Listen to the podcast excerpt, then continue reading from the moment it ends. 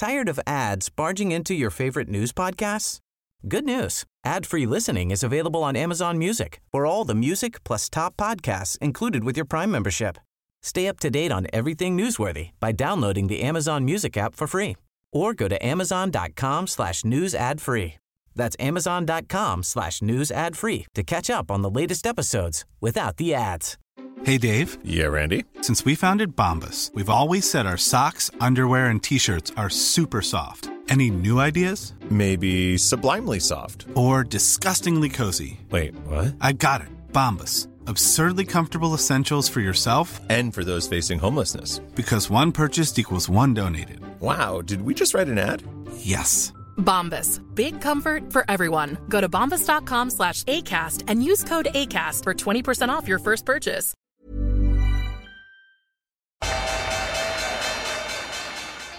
They mistook leverage for genius. Leverage for genius. I would recommend Japan. The governments don't rule the world. Goldman Sachs rules the world. Velkommen til en ny episode av podkasten 'Tid er penger', en podkast med Peter Warren.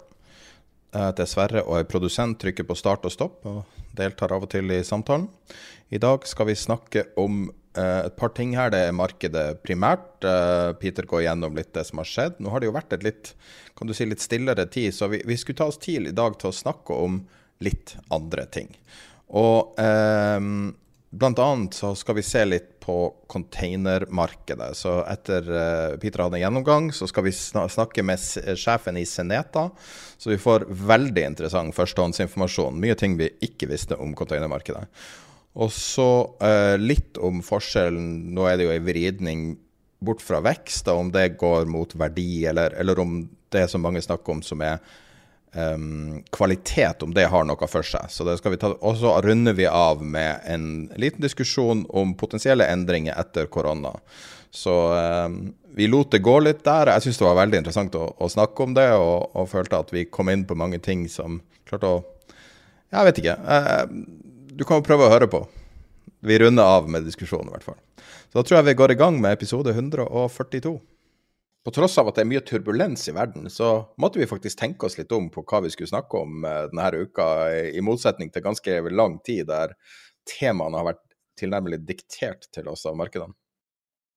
Ja, jeg er enig, i hvert fall når det gjelder eh, finansmarkedene. Fordi altså slik jeg så det i, i, i forrige uke, så, så var, det, var, det, et par ting som jeg syns var, var oppsiktsvekkende. Um, det, det, ene er altså Det er ikke oppsiktsvekkende, for vi har ventet på at korte renter skulle stige, og det så vi, det så vi bl.a. kraftig i USA. Toåringen har gått, uh, gått kraftig. Og det, det, må man forvente seg når, når man kommer ut med, med, med, et inflasjonstall som er 7 Det er voldsomt. Um, det er det ene. Men det andre, det var du hadde to dager, bl.a. var Nasdaq ned 2,7 og, den andre, og den andre var på, på, fredag, hvor Nasdaq er ned ca. halvannen prosent. Og plutselig så ender liksom, så bråsnur dette her, og så ender markedene akkurat i, akkurat i pluss på dagen. Og når jeg så hvor lite likvid markedene var på de to, to, nedsalgene, hvor fort de gikk og hvor lite man egentlig kunne klare å komme ut av på veien nedover, så forbauser det meg at, at markedene kom tilbake slik de gjorde. Og, og den første, altså det er jo sånn Første gang er tilfeldighet, annen gang er mistenkelighet, så, eller blir du mistenksom, og tredje gang så er du sikker. Men allerede på den første så tenkte jeg hva var det som egentlig skjedde der? Og ingen hadde noen god forklaring, annet enn at, at det at man, man, tror at Powell vil gjøre noe hvis, hvis markedene, markedene, faller. Det var, det var, liksom for, rett og slett for svakt grunnlag. og Så hørte du på forskjellige kanaler, og alle hadde en different take på det. Og så kom den på, på, på fredag også, hvor det solgte ganske kraftig. Uh, og jeg var i markedene eh, på, på, det tidspunktet og merket meg hvor lite likvid det var. Altså hvor, hvor store hopp det var nedover i, i, i, kursene for å klare å bli kvitt noe. Og så igjen så, du, så kommer det akkurat opp i, i pluss. Og jeg skal, altså Nå skal jeg ikke starte en konspirasjon her, for all del, men, men vi har jo hatt altså dette Plunge Protection Team som det alltid som, Jeg visste det kom. ja, beklager. Altså, beklager, det er vel realiteten, ikke det? Nei, ja, men jeg har ikke engang lyst til å si det, og det er jo ikke, ikke sant? Er, den er jo sånn myteomspunnen og så videre, men, men jeg må jo si at den aktiviteten fra noen som sitter og ser på dette i, det, i mikrobildet i tillegg til, til makrobildet, så syns jeg at begge de tilfellene virket, virket påta, påtatt. Det virket ikke som det var normale markedskrefter som uh, For de hadde vært helt den andre veien, um, som, som, tok dette tilbake igjen. Skal vi bare si fort hva Plunge Protection Team er? The President's Working Group on Financial Markets ble stifta 18.3.1988 av Ronald Reagan, som blir kalt Plunge Protection Team. Og ja. det hadde eh, formål om å på en måte beskytte markedene, da, kan man si. Det kom da, for jeg bare skyte inn, det, det kom da etter altså Dette var pga. erfaringer man gjorde under det man kaller krakket i 1987, ja. hvor børsene falt over 20% eller hvor USA falt over 20% Og i 2008, som da illustrerer at dette er jo i aller høyeste grad fortsatt reelt, mm. så vet man at altså Da sendte de ut en melding og sier at, uh, at de tar uh, flere gjør flere handlinger for å beskytte markedene. Eh, de sa ikke indirekte at de, eller direkte at de kjøpte aksjer, men eh, åpenbart er det noe sånn de gjorde. Mm. Og det har vært spekulert at de gjorde det i 97. Eh, og i 2005 var det snakka om det. og Så det er veldig sannsynlig at det ikke er en konspirasjonsteori. Ja, jeg, jeg er enig. Um, jeg er enig i det, selv om dette er en sånn der ullen, og du vet på en måte ikke hva mandatet er og når og, og, og den biten der. Men, men jeg syns det var påtagelig, da. De, og selvfølgelig da Europa roer det helt ned når, når, dagen etter når de åpner, fordi nå er jo markedene tilbake der de, der de var. Men det koster, altså, og det sier de som har, har store posisjoner og som da skal endre på de posisjonene av forskjellige grunner, kanskje rebalansering eller hva som helst, men de sier det koster det koster å, å, komme ut nå. Det er ikke slik at du kan liksom ligge der og over, altså at la, la, det jobbe seg. Altså når, når, du trenger å gjøre noe, så, så, koster det. Du får, du får det vi kaller betydelig slippage. Altså det er, eh, det er avvik fra den kursen du håper å komme ut på, for å si det på den måten. Eh, gitt det volumet du har, og det kan man jo regne seg frem til. og Det, det finnes jo algoritmer som skal da beregne da hvor mye slippage du får, eh, gitt det volumet du skal, eh, skal selge. Og, og, de jeg har snakket med, de, de sier at uh, den grensen overstiges hver eneste gang nå. Så, og det er, en sånn, det er en generell bekymring, men vi, vi, har jo snakket om disse tingene, så vi skal ikke bruke mer tid på det. Men det litt, disse rallyene var, var, var påfallende, syns jeg. Men uka er vel ned som helhet, er den ikke det? Siste det er mulig at det endte, endte litt ned. Og, og, ting som ARK, f.eks., som er da på en måte de, de mest spekulative aksjene, ned 15% så langt i år. Um, jeg vet ikke hvor mye ned Nasdaq er. Um, 4% 4,8% Sånn at mm. det er tydelig at jo lavere kvalitet noe har, jo mer er det ned i praksis. da. Så jo lavere ja. kvalitet det er på, på balance-sheeten deres, jo, jo mer hardt ramma blir det. Nei, det, altså, Jeg vil ikke si at det, at det, er en kjedelig start, selv om de, mange sier at å, dette er en veldig dårlig start på, på året. Um, jeg husker for øvrig det, det året hvor um, han UBS-traderen Jerome Curviel måtte kaste kortene i, i, sine posisjoner. og da, Det hadde jo en effekt på, på, markedet worldwide, selv om han stort sett handlet i Eurostox og, og Dax og disse tingene. Men, men, da var vi også vitne til og Hvis du er veldig mye i markedet, så, så kjenner du litt hvordan markedet virker på normale dager, og, hvor, og, om det kommer noe unormalt som du selvfølgelig ikke vet hva er. Men i tilfellet med Jerome Curviel så husker jeg sa til de rundt meg her er det noe rart. Her er, det er noe som foregår i markedet. Det er, noe, det er informasjon som ikke vi vet i dette markedet. Uh, og, og det gjorde oss ganske usikre. Og så kom da historien om at eh, UBS tvangssolgte uh, posisjonene til denne, til denne, traderen, som, som jeg, vet, jeg, vet, endte opp i, i fengsel etter en voldsomme tap. Men hvis vi skal se ellers, da, hittil i år, altså på, disse to ukene som har vært, så er det jo i hvert fall på den watchlisten vår, og det har litt nesten vondt for å si det, at uh, altså hvis du skulle vært long or short i, i henhold til den uh, watchlisten som vi følger med, og som vi legger ut på, um, i, i, nyhetsbrevet og at Jeg hater å si dette. En sånn Best performer, altså den som har gjort det Ja, jeg virkelig hater det. Det er den Trump-spacken som er Ja, det, det er vondt. Det er, dette er vondt. Uh, som da er opp 38% så du skulle vært long den. Og så skulle du vært short AMC. altså de, AMC var jo en av disse uh, memestokkene i fjor sammen med Game, GameStop. AMC var den andre veldig kjente. Den er ned 25% Så hadde du gått long Trump og short AMC, så hadde du vært opp 63% på 14 dager. Den, så du er, er long, du er, long, boomer og short uh, generasjon Z, eller hva det heter? noe? Ja, akkurat. Men, Men det er jo ikke bare AMC, GameStop, uh, Shopify Du kan si at Shopify er jo mer kvalitet, men så er det Ark, og så Playboy. Playboy er jo også en sånn spekk som har kommet, som har blitt veldig populær blant de memestock-folkene, og alt blir ramma. Jeg visste ikke at den jeg visste ikke at den altså det, ja. eksisterte lenger, men uh, Nei, det kommer tilbake som noe sånn bullshit-spekk som inneholder omtrent ingenting. Men, uh, og, dette skal vi Eller vi har jo et intervju uh, angående dette som kommer uh, nå i, i denne podkasten. Et, et, kort intervju.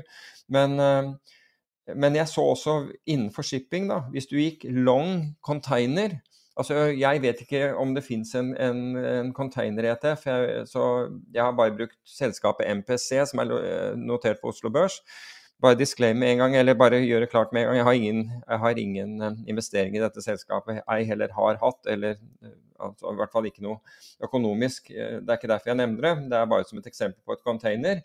Så er de opp 16 og shortet du da, shortet du da bulkskip, som du kan gjøre gjennom en ETF som heter Breakaway så er den ned 23 eh, hittil i år. Så hvis du hadde gjort den long short-handelen der, så hadde du vært opp 39% på 14 dager, eller på egentlig 10 børsdager. Det er ikke gærent det heller, syns jeg. Det fins futures i shippingmarkedet, altså i eh, containermarkedet? Um, men da er det futures på enkelte ruter. Jeg vet ikke om det er, ja, altså, det, det er for spesialister, altså. Det er jo klart helt ikke sant. For du, ikke bare må du da være kvalifisert til å handle futures, du må stille sikkerhet på, på, på børser. Altså Imarex, eh, som var, norsk, var, en norsk børs, ble startet Disse fraktderivatene ble jo startet uh, uh, i Oslo. Og så de, de, ble da solgt ut av landet til et London-basert selskap som jeg i farten ikke husker navnet på, som jeg burde ha husket navnet på, som, som driver den børsen videre. Men det er jo veldig komplisert for de fleste. Um, så jeg ville jo tenkt meg at hvis jeg skulle gjort noe sånt, så ville jeg heller gjort det gjennom ETF-er enn jeg ville gjort det gjennom å uh, skaffe meg en, en uh, futures-konto som jeg bare har tenkt å bruke én eller to ganger. Det ville være litt, eh, litt sært, syns jeg. Så, men, men, nok om det. Men bare, altså dette bare for å gi eksempler. Og så annen for, for, øvrig stor nyhet i um, Det er en shipping-ETF. Hva sier du? Det er en shipping-ETF som heter Boat. Det er jo litt ironisk, da. ja, hva er det den inneholder, da? Uh, Sonic Shares som har den. Nå tok jeg det på sparket her, så gud vet hva. Okay. Uh, men det er jo sikkert altså Du kan jo kjøpe Mersk for så vidt. altså Mersk er jo um, er jo shipping. Ja, det kunne du sikkert gjort. Altså Jeg men, tok bare en som var, var notert på, på, Oslo Børs, jeg som en proxy for det, og Breakaway er jo ikke det, bare så, så det er sagt. Ja. Det her inneholder Orient, Mitsu, AP Møller, Hapang, Costco, basically ja, masse forskjellige shippingselskaper. Mye der. Men ja. uh, altså den Breakaway-ETF-en som jeg nevnte, som er uh, over bulkskip, uh, den, var, den, var, opp 286% i fjor. Så du skulle definitivt ikke være shorten da, da. Så det, det kan vi jo i hvert fall si. Um, men andre store nyheter i, um, i fjor, det, det syns jeg var at Sequoia Capital kjøper da kjøper seg inn i Citadel. Altså eh, dette, dette, forvaltningsselskapet til Ken Griffin Altså Citadel ble jo veldig kjent for veldig mange under, i fjor, under denne GameStop-saken, fordi de er marketmakere. Altså, jeg tror Citadel er borti altså De er marketmaker på alle de amerikanske børsene og svært mange andre, jeg tror inkludert av Oslo Børs. Men i USA så tror jeg de håndterer 27% av det totale volumet som, som handles i USA. Det høres riktig ut. Det er omtrent det volumet de har av Robin Hood, tror jeg. Akkurat. Men Er ikke det eh, veldig bearish at de selger seg ut? Ja, men nei, de solgte, solgte seg ikke ut. Da. De, jeg tror, eh, jeg tror uh, Sequoia kjøpte altså, seg inn e- med 1,2 milliarder dollar. Og Citadel er verdsatt til 22 milliarder dollar, bare så det er sagt. De har en forvaltningskapital som er omtrent 50 milliarder dollar. Og det er ganske høyt i forvaltningskapital. Men ikke så høyt som det selskapet som hentet penger, forvaltningsselskap som hentet penger gjennom folkefinansiering i fjor. For istedenfor å bli handlet til 50% av forvaltningsselskapet, så, var det, så fikk de ti ganger Ti ganger det de hadde i forvaltningsselskap, ble det priset til. Men glem nå det akkurat i denne, den- denne sammenhengen. Selv om jeg Det var vel litt teknologi der også. Hva sier du? Det var vel ja, litt men, teknologi Ja, litt teknologi. Tenk deg hvor mye teknologi som er i Citadel, da. Jeg kan si noe om Citadel når vi er inne på det. FT hadde en oversikt i dag om, um, om hedgefond og um, hvor mye penger som de forskjellige hedgefondene har generert i, i resultat siden Ja. oppstart. Citadel er nummer to rett bak uh, Bridgewater. De har generert 50 milliarder dollar i uh, avkastning siden oppstart. George Soros rett bak, men ikke så veldig langt bak der er norske Andreas Halvorsen. Tett på Med, med 40 Viking, milliarder. Ja. Helt utrolig. Ja, det er helt utrolig. Han har vært kjempeflink. Selv om han hadde litt dårlig år i fjor. altså var visst ned sånn, Det er veldig sjelden han har hatt et tapende år, men, men jeg mente å lese at han var ned 4,5 eh, prosent i fjor. Men altså, det er veldig sjelden han har vært råsolid. Um, men ellers så var det jo Men det var jo interessant med, med, med Sequoia, syns jeg. Fordi um, de er jo kjempesvære eh, innenfor uh, ventureselskap. Eh, Hva heter det der hvor de ligger? Er det Menon Park eller noe sånt? det heter? De- Menlo Park. Hva sier du? Menlo Park er det. Nei, det jeg tror det er Menon. Ja, men det er der oppe ved Paolo Alto. altså Det ligger jo midt inne i smørøyet, rett syd for, eh, for uh, Silicon Valley. Ja, det er Menlo Park. de ligger. Det var Menon? Eller- Menlo. Menlo er det. Menlo, du har helt rett. Det er det det heter. Så, um, men det er, det er ganske interessant at det begynner å bli noen, noen transaksjoner også, også innenfor det. Ellers så så jeg for øvrig at det var veldig mye som gjorde det bra innenfor, uh, innenfor råvarer. Altså hedgefond innenfor råvarer gjorde det jo kjempebra i fjor. Og der har du Anduran, som, som gjorde 154% Altså han, han er veldig mye olje. Pierre Anduran, fra, eh, franskmann, mener at han kom ut av Goldman Sachs i sin tid, og har sikkert jobbet for noen av disse store råvareselskapene. Han var opp 154% i 2020, han var opp 36 i, eh, i, i fjor. Hva var, hva, hvordan har han generert det? Ah, sek- hva da, i året før? Ja, det er jo vanvittige resultater. I, ja, ja, men du kan si, tenk, husk på året før hva som skjedde da, når, når vi gikk fra negativ olje, altså minus 36 dollar i olje. Så, så han var sikkert godt inn i den traden. Men som sagt, han gjorde 36% i fjor, og det er det samme for øvrig som Svelland Capital, altså den norske, norske forvalteren. Eller jeg er ikke sikker på om, han, om de regner seg som norske, han er nordmann, men han, de sitter jo Hovedkontoret deres er i London. Um, de gjorde det samme, de driver jo også innenfor, uh, innenfor energi og shipping og den biten der. Men uh, så har du Westbeck som, som gjorde 107% i fjor. Men sjekk denne her. Northlander. Det er en svenske. Men de sitter ikke i Sverige. De var opp 148 og driver og handler carbon credits, altså carbon futures. Fett. Det er en interessant uh, greie, syns jeg, da. Så det er litt Jeg treffer han for øvrig neste uke, bare så det er sagt. Jeg har ikke er- Dette er ikke noe reklame for han, for, men eh, jeg treffer han i forbindelse med en konferanse i neste uke. Så jeg ser frem til det. Jeg mener at jeg har møtt ham før en gang. Ellers så Hva var det vi kunne si om forrige uke? Jo, jo apropos mens vi er inne på dette med eh, dette med hedgefond, så gjorde jeg en feil i forrige uke da jeg sa at dette Cleaves eh, shippingfondet var opp 34% Jeg trodde det på basis av, av noe de hadde sagt til uh, Financial Times. Men uh, vi har flere lyttere som er, som er investert der, og de sier at uh, tvert imot så var de ned 2% Og det er ikke mye, fordi det var det første året for øvrig de, driftsåret til Det er ikke fulle driftsåret, men de startet i hvert fall i, i fjor. Og det tar tid, altså. Det tar tid å, å, å, å komme inn i ting. Og i samme moment så syns jeg det var interessant å lese at eh, Jan Petter Sissener hadde tatt tak i den arbitrasjen. Husker du jeg snakket om den arbitrasjen mellom tegningsrettene i Flyr og aksjen? Beklager at jeg overtalte deg til å ikke snakke om det i podkast. ja. ja, for jeg, den, dette, jeg så denne her og påpekte den for, for Sverre og, og, sa at her er, det her er her må folk bare gjøre. Dette er, dette er penger på gaten. Um, det, er, det er vanvittig misforhold. Så syns jeg det er trist hvorfor det er sånt misforhold. Og det er fordi vi ikke har fun ordentlig fungerende annenhåndsmarkeder i, i, Norge. Fordi all fokus er på å innhente kapital. Og det er ikke noe fokus på det som skjer i annenhåndsmarkedet i, i, i, noe særlig grad fra meglerhusenes side. Sånne arbitrasjer skulle ikke eksistere. Det er veldig Nei. hyggelig for Sissener at de, de, gjorde det, bare så det er sagt. Gjorde du det? Nei, jeg gjorde ikke det. Jeg gjorde ikke det. Uh, jeg gjør ikke ting uh, generelt på, på, på Oslo Børs. Men men det var litt det var derfor jeg, det var det, det var det, som var argumentet mitt, at det her er ikke våre spor. Liksom. Det føltes så feil å begynne å snakke om en sånn ting.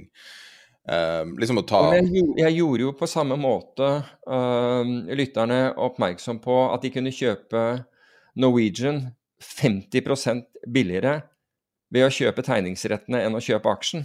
Ja.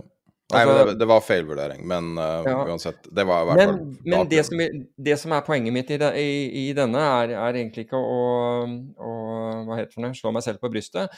Men men at Sissener gjorde den.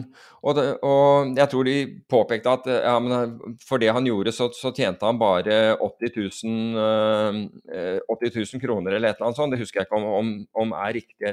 Jeg vet ikke om det er riktig.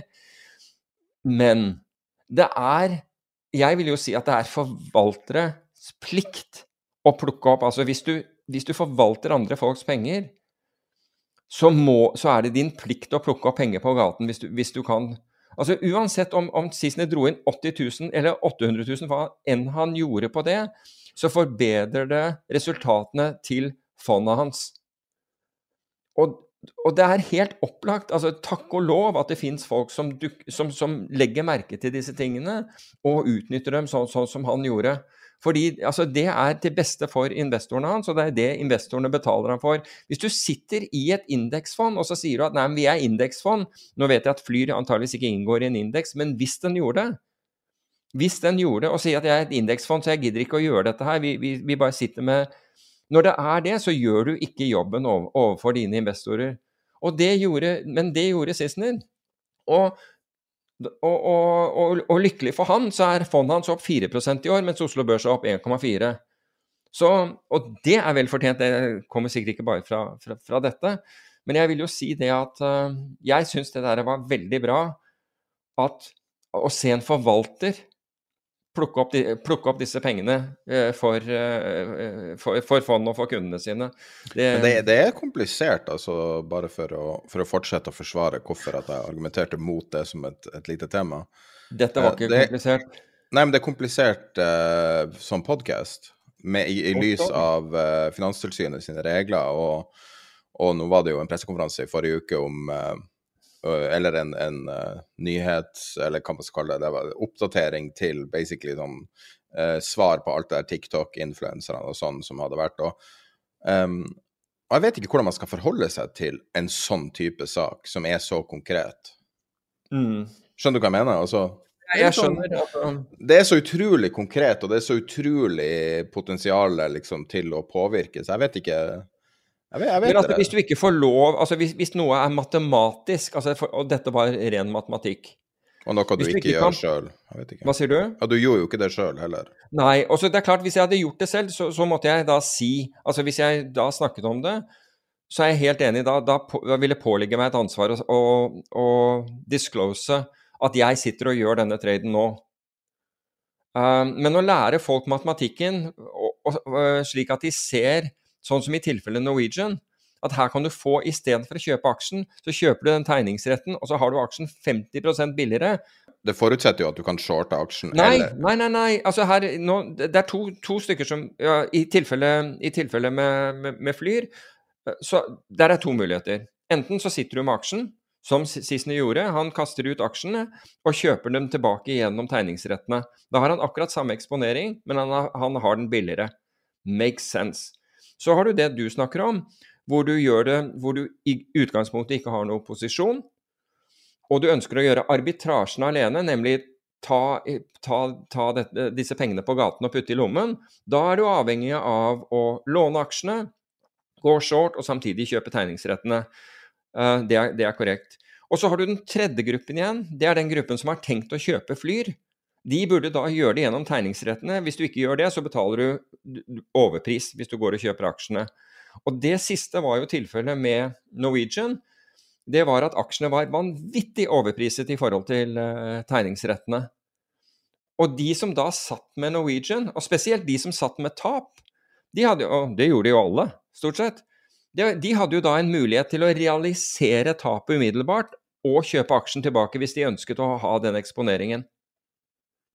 Så det var ikke sant, It did not make sense. Ble hele arbitrasjen tatt inn uh, etter den nyhetsartikkelen i Finansavisen? Det vet jeg ikke, jeg har ikke sett på den i dag. Jeg har ikke sett den, så Vil tro det. Jeg, ja, jeg vil jo jeg vil også tro det, ja. I hvert fall at, at den er blitt uh, mye mindre. Hvis ikke, så Men det er ganske enkelt regnestykke, fordi du ga meg da linken til hvor jeg kunne se hvordan, uh, hvordan uh, hva betingelsene for tegningsrettene var, slik at man ikke gjorde noen feil der. Um, og så var det bare å smelle inn i et regneark, så så du med en gang uh, forskjellen til, til, uh, til, kursen i øyeblikket på aksjen. Så, Men det er litt eh, komplisert når man er i en sånn rolle som en podkast som ikke er en ikke er nødvendigvis nyhets... Altså, vi, er jo ikke, vi driver ikke med journalistikk. Så det er et komplisert ansvar, det der. Og jeg ja. tar veldig av det ansvaret på alvor, da. Og, og, man må jo gjøre vurderinger hele tida om hva som er rett og galt. og uh, I dette tilfellet syns jeg ikke det er helt startklart den ene eller andre veien. Altså, jeg synes at når, når, du kan forklare noe matematisk altså Hadde det vært et synspunkt hvor, jeg, hvor man isteden sa at ja, men jeg tror at denne kommer til å stige i forhold til den eller den, noe sånt noe, der synes jeg, det syns jeg er problematisk. Når det er et matematisk misforhold ikke sant? Du kan bevise dette gjennom matematikk. Det å påpeke det, det, det altså hvis, hvis, det er slik at Finanstilsynet syns at det er, er, er over streken, da Eh, da kommer jeg ikke til å gi opp, for å si det på den måten. Da, da men det forutsetter jo at du ikke snakker din egen bok. Snakker du egen bok, så ja. kan det være problematisk. Ja, men da må, da må du disclose hva du gjør, da. Ikke sant? At ja, men selv, selv da, altså. Ja, Fordi at det er så potensielt Det er så uvanlig potensielt kursdrivende. Um, ja, jeg, jeg, jeg, hører poenget ditt, og det hadde vært bedre å få det avklart. Altså, jeg er enig i at, det, at der kan man ha noe tvil.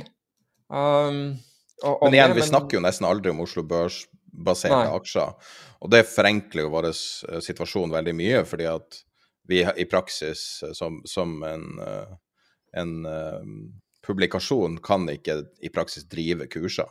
Mm. Og det gjør det jo veldig mye lettere.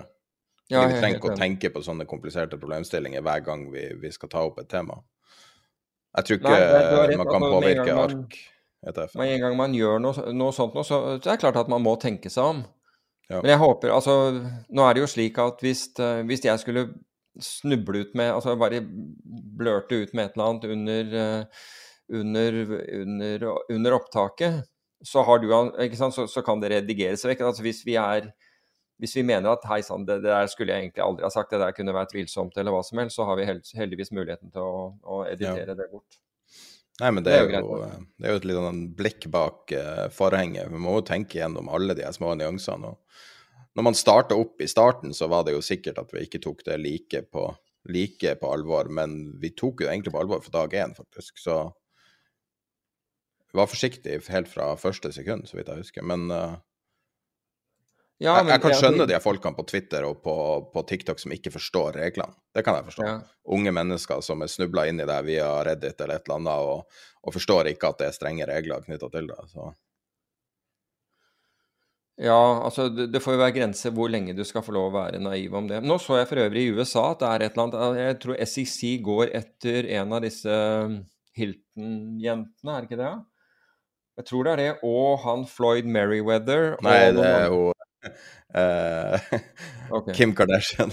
Ja, det, var, ok, det er samme ulla. De har promotert en Nå, eh, nå tråkker jeg sikkert mange på tærne, men det De har promotert en eh, Nå kan jeg forklare at Kim Kardashian Jeg har aldri sett det TV-programmet, men Kim Kardashian var personlig assistent til Paris Hilton før hun slo igjennom. Ok.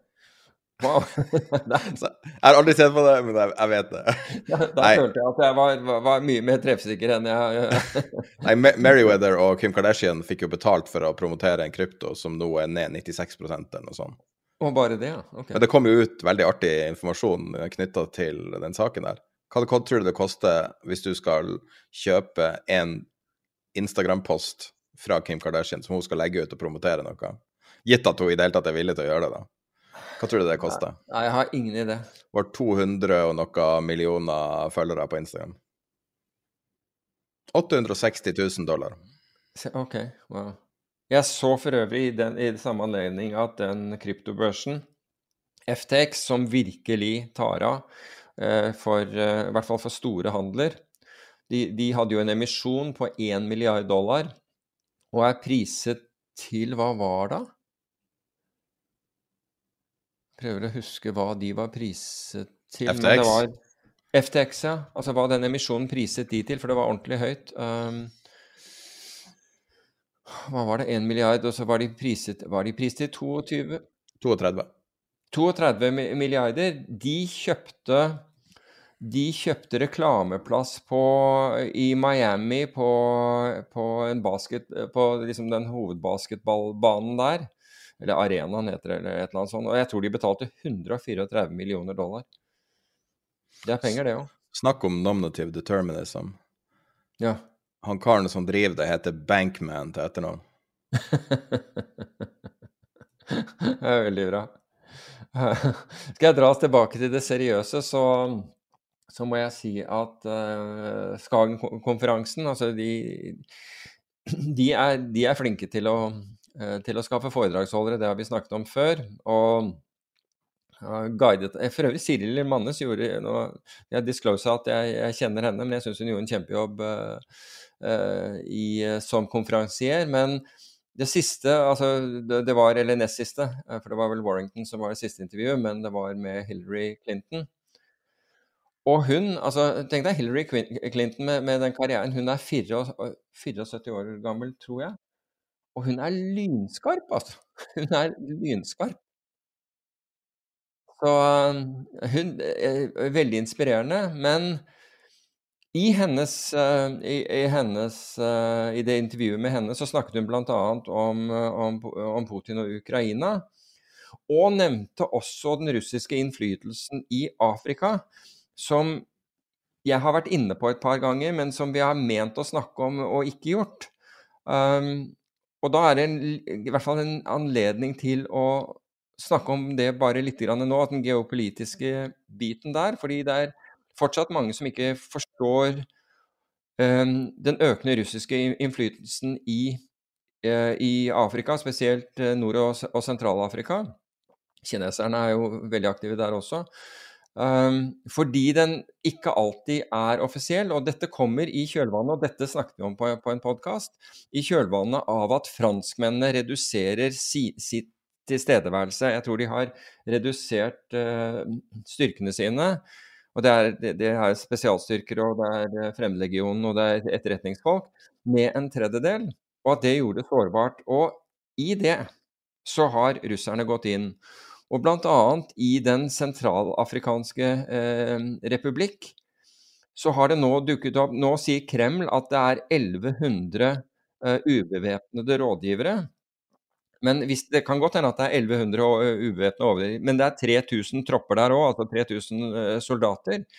Og de kommer alle fra noe som heter Grupa Wagner, som er tilknyttet Dette er leiesoldater med, med erfaring fra den russiske hær, som er da tilknyttet øh, Eller tilknyttet Kreml gjennom en kar som heter Jevgenij Prigozjin, tror jeg han heter. og Nå uttaler jeg det sikkert feil for de som er eh, russisk orientert.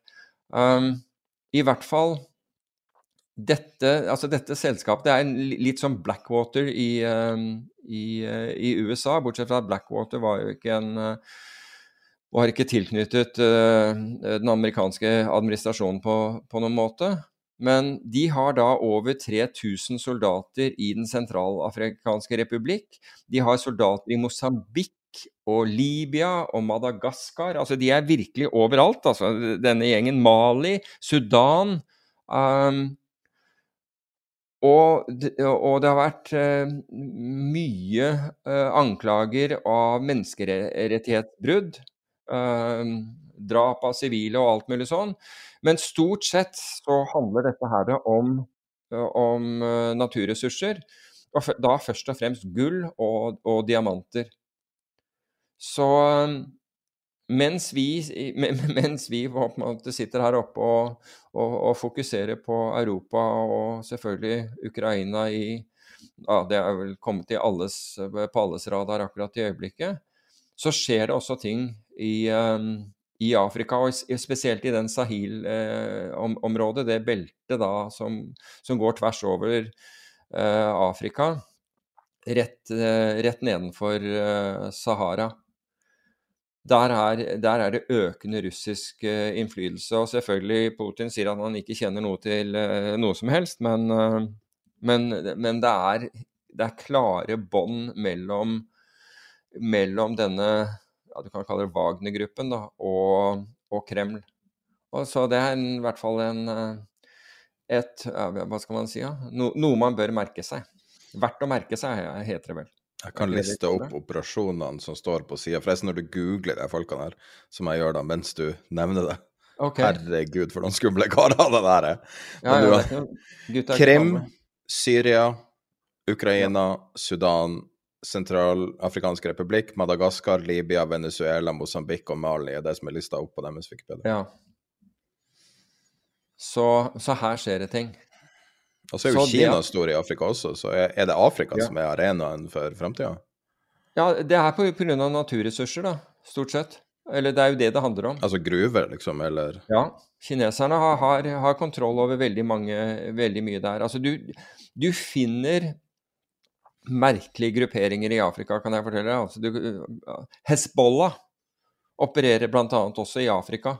Ja, det er sånne ting som er lurt å snakke om helt seriøst? liksom? Er det lurt å snakke om det? Ja, det, altså, De er vel der såpass åpent at eh, det, men, men du kan si at uh, altså, Hezbollah er jo da denne gruppen fra, uh, fra denne Den er jo kalt, eller på, på listen over, over terroristorganisasjoner. altså Kall det hva du vil. Altså, de, har også, de har også gjort ting bra, for all del. De, det var Hezbollah-folk annet som tok seg til, eh, til Bosnia under, eh, da, da, krigen på, i Balkan eh, herjet, for å forsvare muslimer der.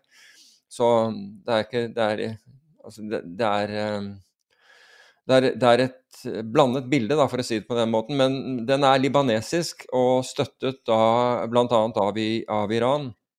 Og den befinner seg også i, på, på, afrikansk jord og i i eh, ja, nord til mellom eh, til, til Sentral-Afrika. Så dukker de, disse kara opp også. Så det er mye som skjer på det afrikanske kontinent. Og Vesten virker som den blir overrasket hver gang eh, hver gang, eksempel, hver gang, man oppdager at Kina har tatt kontroll også Nå snakker jeg ikke om væpnet kontroll, de bruker økonomiske midler. altså kjøper seg, kjøper seg inn i enten selskaper som kontrollerer Eh, råvarer, eller, eller som eksporter, eksporterer dem osv. Så, så, videre. så der, der, skjer det mye. Har du sett det der trikset de bruker med havner? Nei. De låner penger til uh, afrikanske nasjoner for å bygge utrolig moderne havneanlegg. Og så defaulter de på lånene, og så tar de over havna. Og sånn, ja. Det, de har bygd en sånn De kaller det vel Modern Silk Road, tror jeg, eller noe sånt. Okay. Uh, som er da um, uh, relativt Altså, innflytelsen er ganske ekstrem. Men ja. alt det her virker jo å være i, i, takt med hverandre.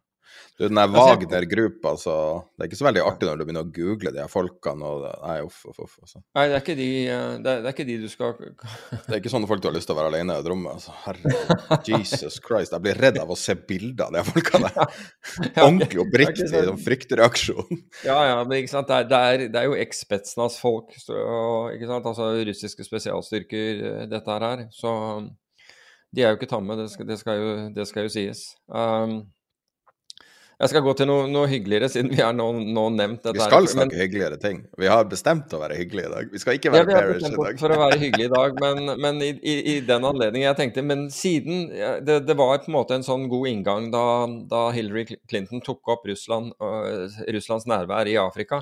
og Da tenkte jeg det var greit, greit å, å, nevne. Men, vi, men for å gå til kjapp tur innom, innom kraftmarkedet det var jo to nyheter i, i, forrige uke. Den ene gikk jo på Eller de begge var i energimarkedet. Den ene var liksom dette 16 milliarder-tapet til, eh, til, Equinor.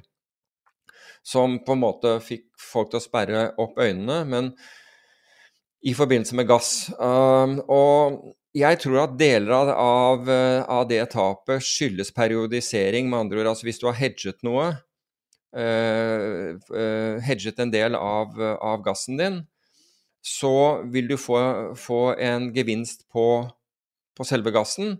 Og, og, mens hedging-posisjonen din, mark to market, altså i forhold til hvor markedet er nå, um, vil da gå på, gå på, en smell, for å si det på den måten. Hvis du, hadde, hvis du hadde solgt den på termin, og kursen på gass er vesentlig høyere ved forfallstidspunktet. Det betyr ikke at, uh, at uh, Equinor nødvendigvis har tapt penger på den handelen, fordi de har jo solgt gassen fysisk eh, samtidig.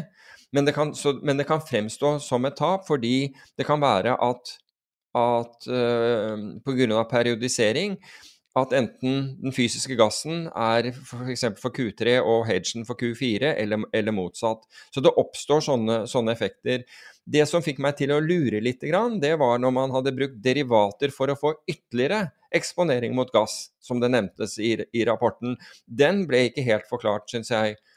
Fordi det er klart at hvis de gikk ytterligere long, eller fant ut at, de, at de, disse hedgene um, de, hadde med, de hadde tro på at dette skulle videre opp, så de ville ville på en måte kansellere effekten av, av, sikringsforretningene sine, og tapte på de, da er det jo en form for, for, for, spekulasjon. Det kan være godt eh, gjort i, i, beste mening, men det er likevel en form for, uh, for spekulasjon.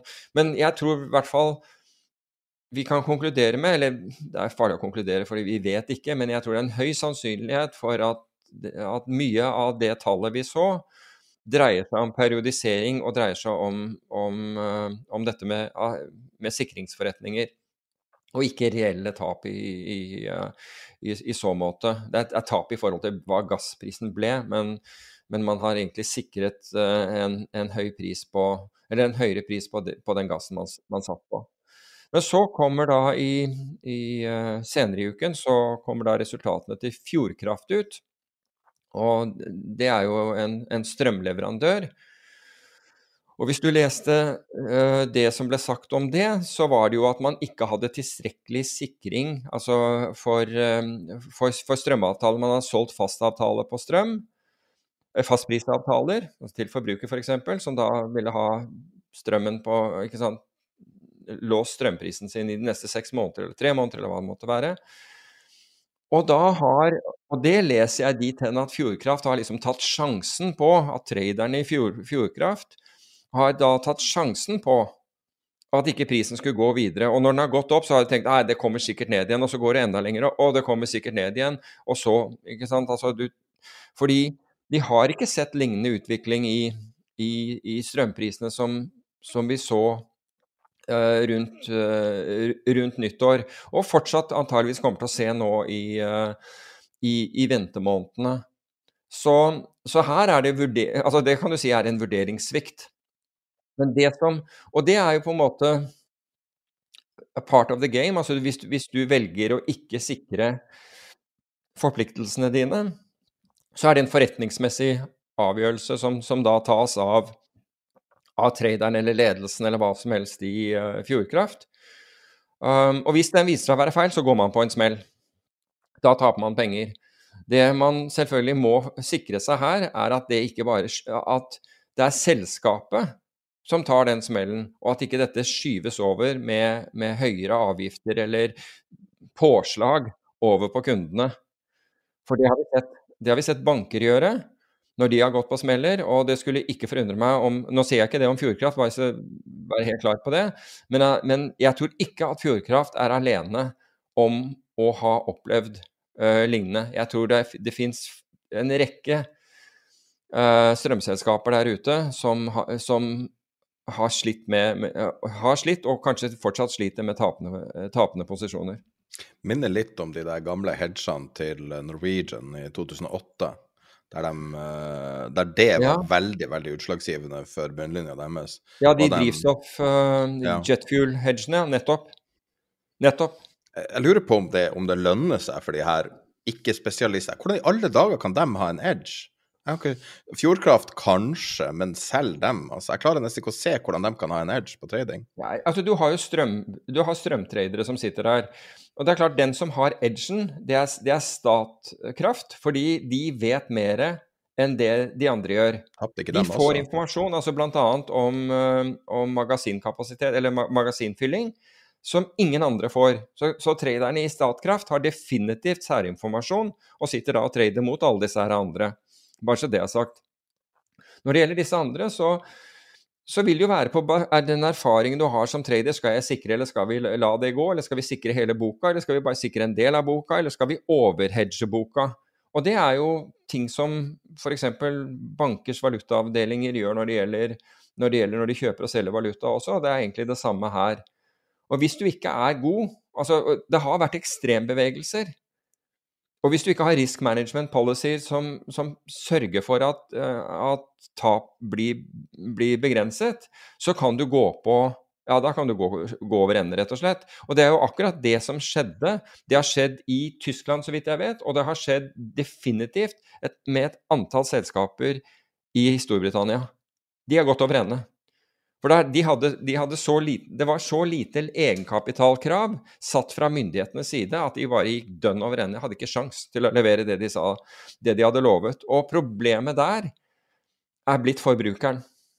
For, for, for idet disse gikk over ende, så sitter forbrukeren igjen med, med et udekket behov. Altså, de har ikke, de har ikke da, da, da etterlever ikke disse selskapene kontraktene sine. Slik at hvis du hadde f.eks. kjøpt strøm til 45 øre, da, så, så, plutselig opplever du at du skal betale tre kroner for Nå er jo dette i, i pund i England, så, men tilsvarende, da. At du må, må betale en vesentlig høyere, høyere, pris for den. Så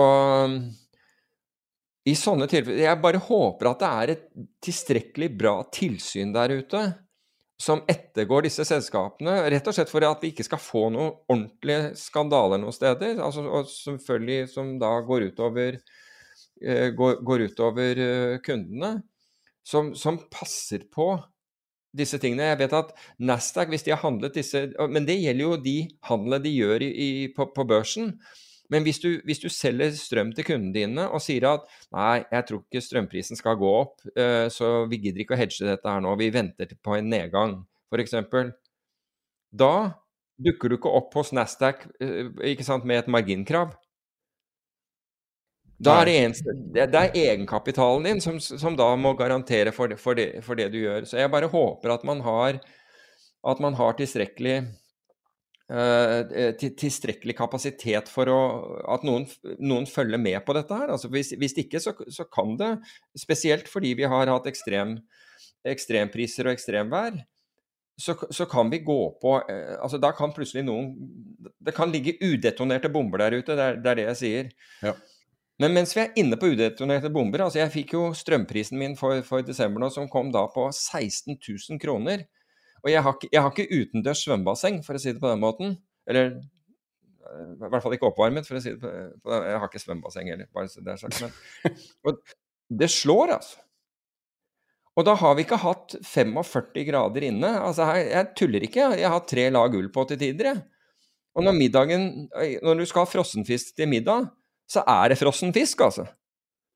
Så det er, ikke, det er, liksom ikke som, som man har uh, dundra på og, og liksom kuttet på strømforbruk og hele greien, men det er klart når du har et hus som er, som er 30 år gammelt, så er, holder ikke det standarden på, på husene som, uh, som, bygges i dag.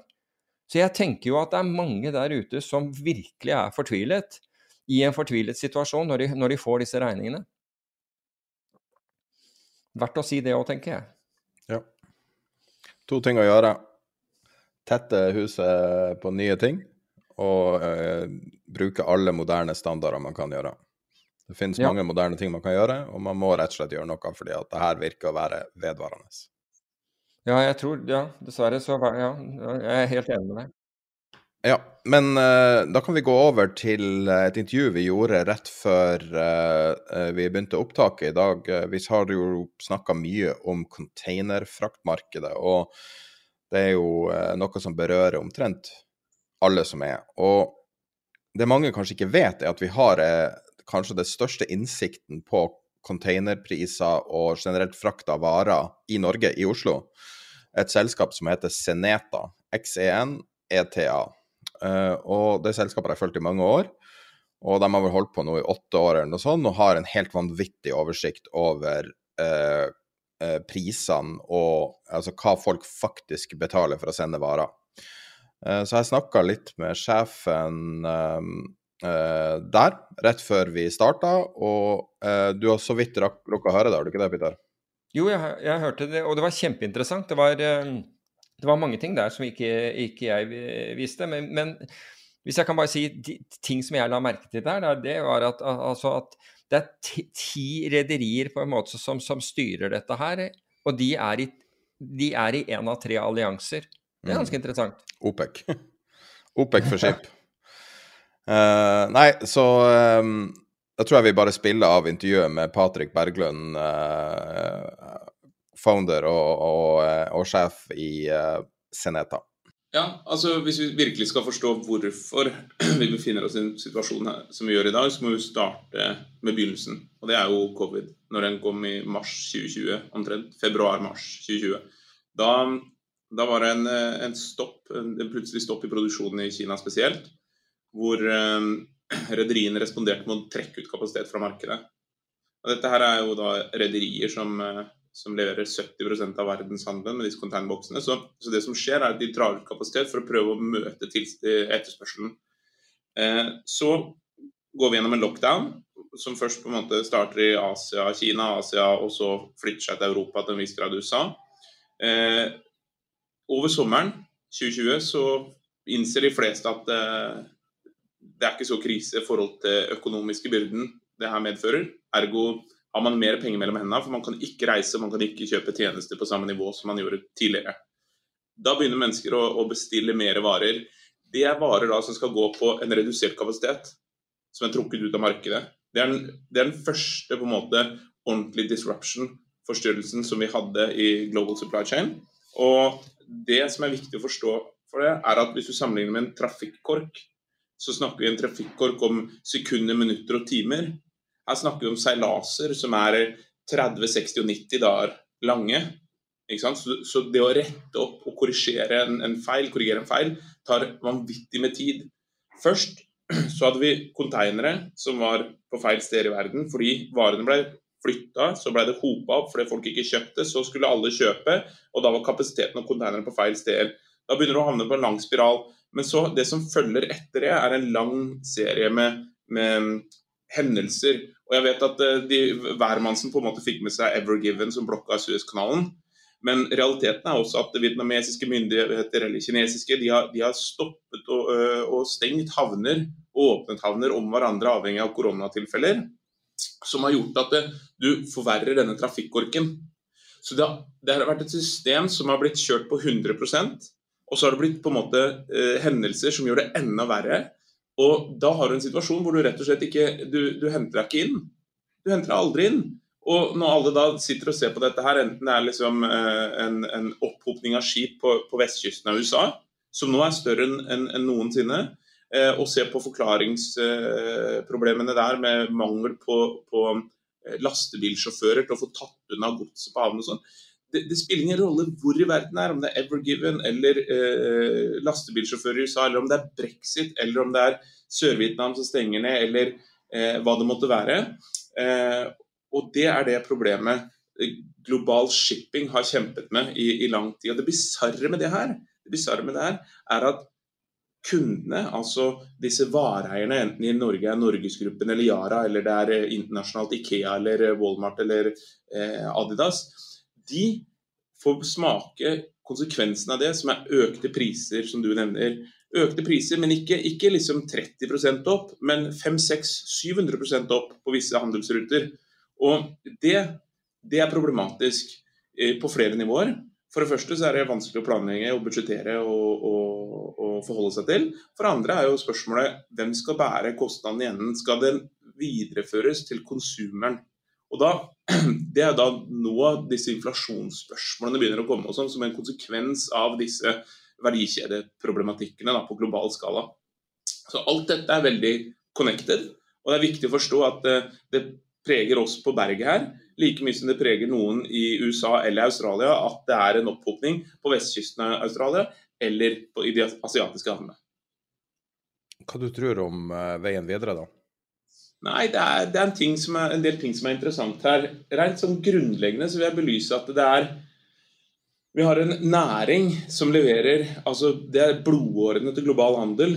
Og vi har en næring som de siste 30 åra har gått fra at topp fem aktører har en markedsandel på rundt 20% Topp fem nå har over 80% markedsandel. Så når du, når du, spør meg om disse få aktørene kommer til å la markedet droppe tilbake til la oss kalle det pre-covid-nivåer, så tenker jeg at nei, det er ikke veldig logisk. fordi i de 30 åra så har de hatt ekstremt vanskelige markedsforhold. Det har vært en, en lang bølge med, med, oppkjøp og konkurser. ikke sant? Nå er man i en situasjon hvor totalt sett, hvis du tar topp ti rederier, så er det over 90% av verdenshandelen som er kontrollert av de, og de ti de har gått inn i tre allianser. Da har du et marked som er dominert av ganske få aktører. Nok til at det ikke er monopol eller duopol, men kanskje argumenterbart nok til at det er lite nok til at de kan kontrollere supply, så ikke, eh, ikke, demand, eh, ikke det blir en mismatch mellom supply og demand, sånn som vi har hatt før. Og da, når du spør meg om veien videre, så tror jeg faktisk at vi, vi kommer til å ha økte kostnadsnivåer i lang tid. Rederiene de printer penger som jeg er sikker på at du har eh, lest om, du òg. Altså Bokstavelig talt, de har tjent like mye på foregående kvartal som de gjorde i de 10-20 foregående åra akkumulert. Wow. Wow. Så, så, det er veldig vanskelig for meg å tenke at ja, nei, men dette finner sin vei til normalen igjen eh, om, om noen måneder eller år. Det tror jeg ikke det vil gjøre. Dere jobber jo med å hjelpe folk å, å finne den riktige markedsprisen, kan man si. Med å, uh, å, være et slags politi i markedet om hva prisen faktisk er. Uh, er det blitt lettere for dere, eller er det blitt vanskeligere jo mer kontrollerte? Altså de mer, Er de som et OPEC som sitter og kontrollerer alt, eller er det større sjanse for å finne uh, gode dealer via dere? Ja, det, det, det, er et godt spørsmål. Altså, vi, det har blitt vesentlig lettere for oss å samle inn dataen. Det som er viktig å forstå, er at vi samler jo proprietær data. Så vi går til disse sluttkundene, disse store selskapene, og, og samler inn på mange måter konfidensiell informasjon. Men så aggregerer vi jo det opp, så det blir anonymisert. Eh, det som har vært veldig verdifullt for oss, er at budsjettene vi, har kunder la oss si de bruker 10 millioner dollar eller 100 millioner dollar eller en milliard dollar i året på sjøfrakt, så har jo budsjettene gått til himmels. Så fra å være en kostnadspost som eh, alltid har vært relativt stor, så har den jo blitt vesentlig mye større. Ergo får den eh, mer øyne på seg, mer å si for lønnsomheten til bedriftene. Og således har vi også selvfølgelig blitt eh, viktigere for disse kundene å forstå markedsdynamikkene. Det jeg skal poengtere, er at vi ser en økende spredning i markedet, i tillegg til de dynamikkene vi prata om, som gjør meg hva si, bekymra for de mindre bedriftene. For store aktører har fortsatt en viss forhandlingsmakt. De, de, vil legge ut på anbud de årlige volumene de har. Mens eh, mindre aktører de er mer pristagere i markedet. De må spise det de får. Så jeg vil si at det, er, en, det er, en, større bekymring for min del eh, når jeg ser på SMBs forhold til disse store. Og, og, på mange måter kan du argumentere at det som skjer er vanskelig for alle bedrifter, men det, i det lange løp kanskje fordelaktig for de store. Eh, vi har jo hørt historier om at eh, aktører som Ikea, Walmart, um, jeg lurer på HM og en til, som har, gjør sin egen Uh, sin egen frakt, som gjør det via enten uh, via Russland via tog, eller, uh, eller rett og slett får tak i sine egne skip og gjør egen shipping fordi det er så dyrt. Er det mm. en vedvarende trend, eller er det noe som forbigående rundt korona? Ja, det er jo Det, det er litt eh, mer strukturelt spørsmål. Det er, det er, det er noen markedsdynamikker som, som, foregår nå, som er ekstremt spennende å følge med på. Eh, I de tilfellene du nevner, og med disse selskapene, så jobber jo med majoriteten av de. Eh, og, og, de går gjerne gjennom noen mellommenn, for dette er ikke kjernevirksomhet for dem fra før av. Så, så, det er ikke bare å begynne med shipping eh, over natten. Eh, så, så det er gjerne noen andre parter involvert her. Det rederiene eh, slår ganske hardt ned på, er at disse partene, det er gjerne speditører, så mellommenn, de ønsker ikke at speditørene skal komme inn og konkurrere med dem. Så det er en Jeg skal ikke gå for detaljert inn på det, men det er et, et, et, et sånn powerplay som foregår nå mellom rederiene og speditørene, hvor på ene sida forsøker rederiene å gå inn og tilby alt fra lastebiltransport til lagertjenester til eh, eh flyfrakt for å prøve å ta en, en, en diversifisering av porteføljen sin bort fra bare eh, sjøfrakten. ikke sant? Eh, på den samme sida skulle man da tenke at speditørene kunne gjøre det samme. og Det er en tilnærming på det du nevner, at de, de hjelper noen av disse selskapene å chartre skip og gjøre det selv. Men i de, de tilfellene det er kjent, så har rederiene gått og tatt allokeringa til eh, speditørene bort fra dem i markedet. Så det er ganske, det er ganske ja, jeg, skal, jeg, jeg, kan si det såpass. Jeg, jeg blir overraska hvis ikke myndigheter rundt omkring eh, blander seg i de markedsdynamikkene som nå foregår. Fordi det er viktig for uh, nasjoner så vel som bedriftene hva som, hva som skjer her. Ja, bl.a. Danmark. ja, minst. Ja, men tusen takk for du orka å, uh, å ta, ta, deg ti minutter og fortelle det her. For det var mye ny informasjon, og spesielt det at det her er vedvarende. Bare hyggelig. Takk skal du ha, Sverre. Ja, da er vi ferdig med intervjuet. Det er utrolig mye interessant han hadde å si. og uh, Rett og slett helt ny informasjon, så vidt jeg kunne se. Jeg syns også for øvrig at det var interessant med, med den, uh, den Jeg vet ikke om jeg skal kalle det konflikten, men det er jo på en måte en form for I hvert fall latente konflikten som eksisterer mellom, mellom rederiene og speditørene. Mm. Det at du liksom kan starte opp og, og prøve å finne alternative veier og hva som skjer der. og han er jo inne på det, eller jeg husker ikke om det var du som var inne på det, eller han, men han kommenterte det i hvert fall at, at uh, dette At man vil, vil, tro at myndigheter, altså konkurransemyndigheter, følger med på dette. Ja. Det er et sensitivt tema, og det er jo nesten livsblodet i verden, så mm. um, det var en ting Jeg hadde lyst til at vi skulle touche inn på det, jeg vet ikke om, om det er et stort tema, men man snakker jo mye om uh, vekst av verdi. Så du har vekstaksjer, altså alt mulig som taper penger, men som vokser fort. Alle startups som blir børsnotert osv. Det jo, har jo vært populært i mange år. og det, Med Tesla i front, og nå da hele porteføljen til selskap, altså til fondet til ARK f.eks., med masse veldig raskt voksende selskaper som da er tapende i, for å vokse seg stor, og så bli, ha stor inntjening i teorien. Og så har du da verdi som er klassisk Coca-Cola og, og alle sånne typer selskaper. Men bare, bare bitt meg merke til at folk har snakka veldig mye om kvalitet i det siste, i stedet for å snakke om verdi. Og jeg lurer på om kanskje om det kan være at vi er i ferd med å gå fra vekst til kvalitet, i stedet for å gå fra vekst til verdi. Altså verdi er jo veldig passiv form for investering. Det er jo melk og brød var formen for aksjeinvestering. Hva du tror om, om det som uh, er det noe som bare er det bare en ny måte å si en gammel ting på, eller er det en genuint endring? Fordi at tenker på sånn som Apple og Google f.eks., som er ikke klassiske verdiaksjer på noen måte, vokser jo fortsatt som et oppstartsselskap 20% i året, liksom. Mm. Uh, Men du, hvordan vil du definere kvalitet, da? Vil du definere det som Altså, vil du ikke tenke på det som kvalitet i, i inntjening? Og, og Absolutt. Kvalitet av balance sheet. OK. Um, som, ja, men igjen så, så, må du ta et skritt til, da, eller et skritt tilbake og si at OK, hva er, hva er kvaliteten i balance sheeten? Eller hvordan definerer du den f.eks. til et teknologiselskap? Altså kan ta utgangspunkt i, kan utgangspunkt i den ETF-en som heter Just. Som ikke må, mm. Det må ikke forveksles med det norske selskapet Just.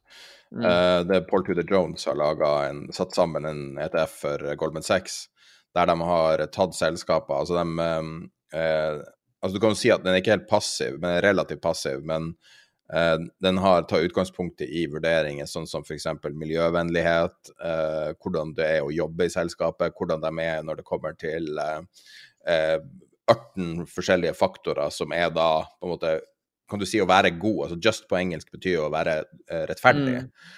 Og, og, selskaper som er liksom positive da, for verden. Men avviker det fra ESG? Ja, det er ikke en miljøfokus i, altså i ETF-en. Så det her er da eh, Du kan si at det er kanskje én fot inn i ESG-leir, men, men at det er da Eh, selvfølgelig teknologifokuserte aksjer eh, er, er vekta høyt der, men den har performa bra, den ETF-en. Den har slått, uh, den har slått SMP 500 uh, over, altså siden oppstart. Og, mm. og, jeg bare lurer på om at i en verden der veldig mye penger har gått til veldig spekulative investeringer, om at det kan være litt sånn glemt del, da. Se på Andreas Halvorsen, ikke sant. Altså, nå er ikke Facebook nødvendigvis i det, Facebook er, kvalifiserer ikke til Just, f.eks., på, på grunn av mange, mange ting. Mm. Uh, men uh, uh, Andreas Halvorsen har jo tjent fryktelig mye på å eie Facebook hele veien, egentlig. Han eide jo Apple ja. hele veien også, og, og, har da Altså, en stor del av de 40 milliardene han har hatt av meravkastning, er fra Facebook og Apple, tror jeg. Så så det er virkelig eh, Jeg føler at det virkelig det, Altså, hvem snakker om Apple som investering lenger? Ingen. Altså, det er jo helt glemt, selv om de eh, stiger mm. sånn 70-80% på tross av å være så stor som de er. Ja. Se hva de gjorde i fjor. Altså, det var jo Var ikke det ca. 100 uh, opp, ikke, opp 30 fra starten av fjoråret, ikke sant. Mm. Verdens største selskap. Nei, det er helt utrolig. Så spørsmålet da er tror du at det er en overgang mot kvalitet, eller, eller er det bare et sånt bullshit-ord som, som, ikke betyr noe? Altså, jeg tror at uh, Altså nå som hvis, hvis vi ser på, på, på, på, makrobildet hvor vi har stigende inflasjon og negative realrenter, så tror jeg at mange som sitter på de tradisjonelle porteføljene, sånn 60-40-porteføljer, eller i hvert fall aksje- og obligasjonsporteføljer, tvinges til å gjøre noe annet. Fordi obligasjonsporteføljen deres bidrar ikke. Den kan, den, tvert imot så, så kan pga. lav rente, og ikke, altså både eh, lav eh, absolutt rente og lav realrente, så bidrar ikke den inn i porteføljen i det hele tatt. Den bidrar kun som en ekstrem brems i, i en verden hvor, hvor, eh, vi har høy inflasjon. Det er, det er en tapende sak å, å, å, sitte der. Så det tror jeg vil medføre at det vil være et behov for å flytte penger fra, eh, fra obligasjonsfond, eller fra obligasjoner generelt, inn i noe som er mer no, Noe som gir avkastning. Og det er klart at De kan gå ned på kvaliteten i obligasjoner. altså De kan gå fra statsobligasjoner til investment grade, fra investment grade til high yield eller hva som helst, for å, for å forsøke å kompensere for det. Men da tar de en vesentlig høyere risiko, og de tar også en likviditet, betydelig likviditetsrisiko det lenger ned de kommer i kvalitet. Da er altså istedenfor å ta den likviditetsrisikoen uh, og få og fortsatt kunne risikere å ha negativ eh, realrente, så må du finne noe annet.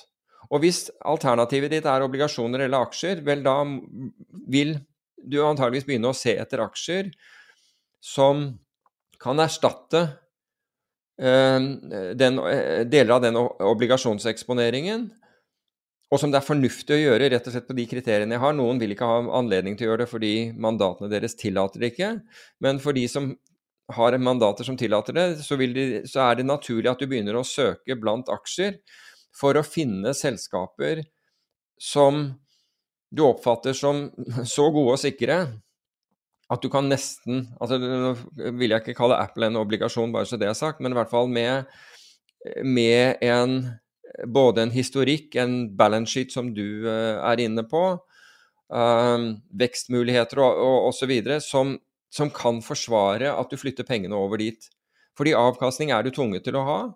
Og hvis du skal da kunne le, eh, levere en avkastning som er, er, over inflasjon, hvis du er et pensjonsfond eller et eller annet sånt, så, så har du en jobb å gjøre nå. Altså. Da, da, da er ting komplisert.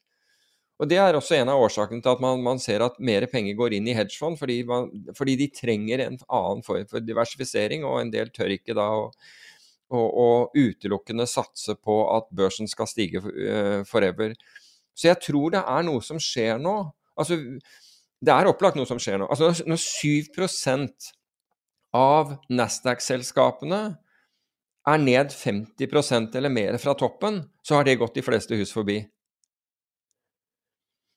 Vi, og, og, de 7 vil jo gjerne være populære, populære selskaper også. Vi ser en hel rekke. Beyond Meat er plutselig nå blitt en av liksom, store short-kandidatene der ute osv. Det skjer en endring som, som, etter min oppfatning kommer til å medføre at du også får en endring i porteføljeallokering, og da skjer det spennende ting. Fordi da er det snakk om mye penger som skal fra én ting til noe annet. Og de, og, og de, pengene kan ikke gå i vekstselskaper som, som, eh, eh, som brenner penger, og som har, og som har eh, i utgangspunktet en begrenset balanse, begrenset cashbeholdning og brenner penger hver eneste måned. Der kan ikke disse gå, fordi de kommer til å trenge emisjoner, og da skal man begynne å sprøyte inn og sprøyte inn for å holde dette her i gang i håp om en, en eh, at selskapet skal bli lønnsomt i, eh, i 2034 eller noe sånt, og det, det, er, det er, ikke en, en, mulighet, slik jeg ser det, for, for, disse. Det må gå i noe annet. Så i dag så, så var det jo um, så var det jo mye negativt vi kunne snakke om hvis vi hadde latt oss diktere av markedet. Som av og til skjer, at det er så mye som skjer, så vi bare, det blir bare snakk om det som har skjedd, osv. Hvis det er store nyheter i aviser, så kan det være at vi lar oss diktere. Men vi bestemte oss for å, å, prøve å se litt større på ting. Og kanskje ikke være så negativt. Det, mye, det ligger jo mye kriger og, og henger over uh, verden, og det er um, store rente, uh, rentehevinger som kommer, og man vet ikke helt hva framtida bringer. Men det går an å se på det her på mange måter, da.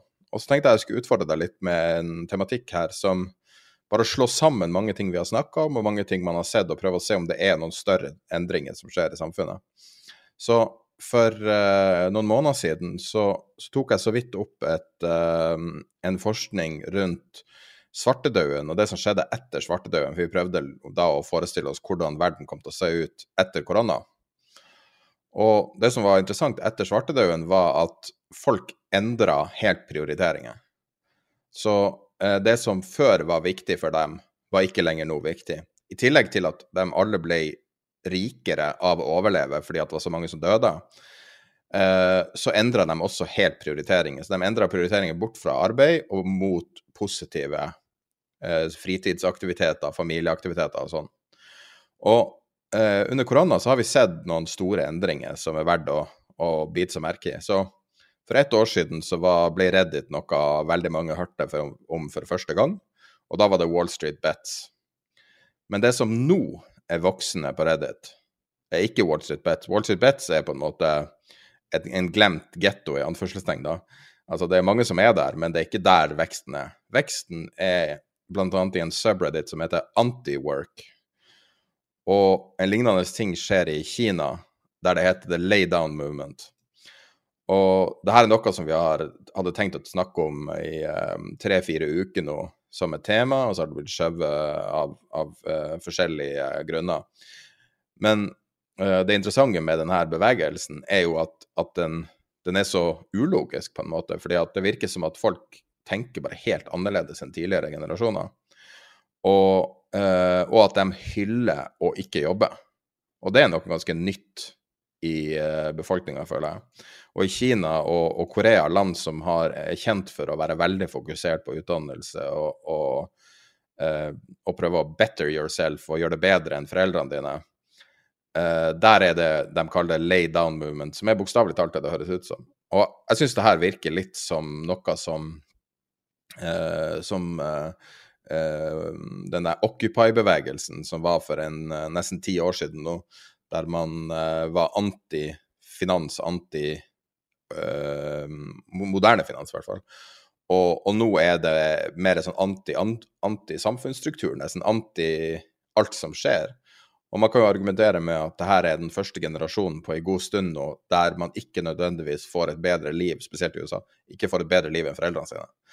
Der man har dårligere råd, man har mer gjeld og mindre muligheter enn forrige generasjon.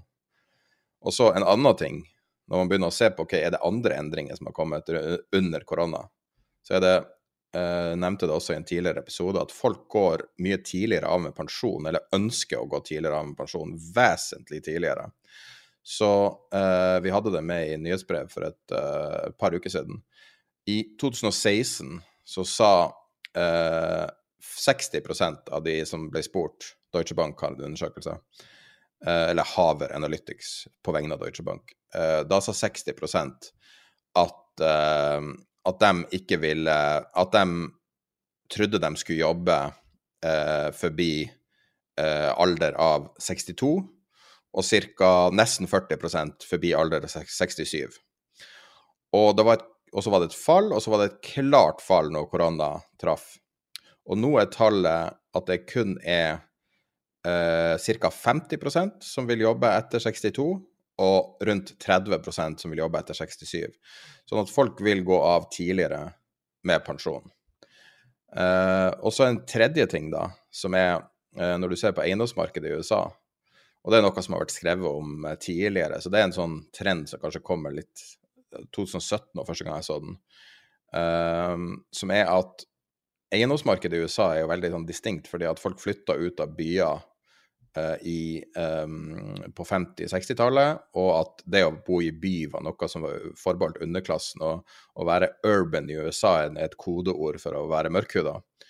Uh, uh, men nå har det endra seg, og dem som har bygd store boliger, som er litt eldre store boliger av ymse kvalitet, er ikke nødvendigvis så lett å selge uh, på sikt som det babyboom-generasjonen trodde fordi at neste generasjonene er ikke interessert i samme type bolig, eh, boligstruktur. Altså, de vil ikke bo i store boliger langt utenfor byen. De vil bo mindre altså, og er mer opptatt av andre ting, og at de store boligene som bruker mye energi, oppleves som råflott. Så spørsmålet da som jeg stiller til deg og til lytteren og til alle, er, er vi, står vi foran ei sånn stor strukturell endring nå med det her generasjonsskiftet når babyboomerne går av med pensjon og på en måte mister innflytelse, og de neste generasjonene som er opptatt av ting som miljø i stedet for forbruk, f.eks. For eksempel. og hva vil det her eventuelt bety? Min, uh, min, første reaksjon på dette er at uh, at det antageligvis er regionalt betinget, eller, altså regionalt slash geografisk betinget, og i hvert fall effekten av det. Um, og med det så mener jeg at det vil være avhengig av hvordan man opplevde det, det som skjedde, altså koronapandemien. Hvis du er fra en liten landsby i Italia hvor, hvor det gikk til lockdown og, og folk døde som fluer, var det ikke så rett utenfor eh, Jeg husker ikke hva den der byen heter. Eh, Bergamo. Bergamo utenfor Monza, helt riktig.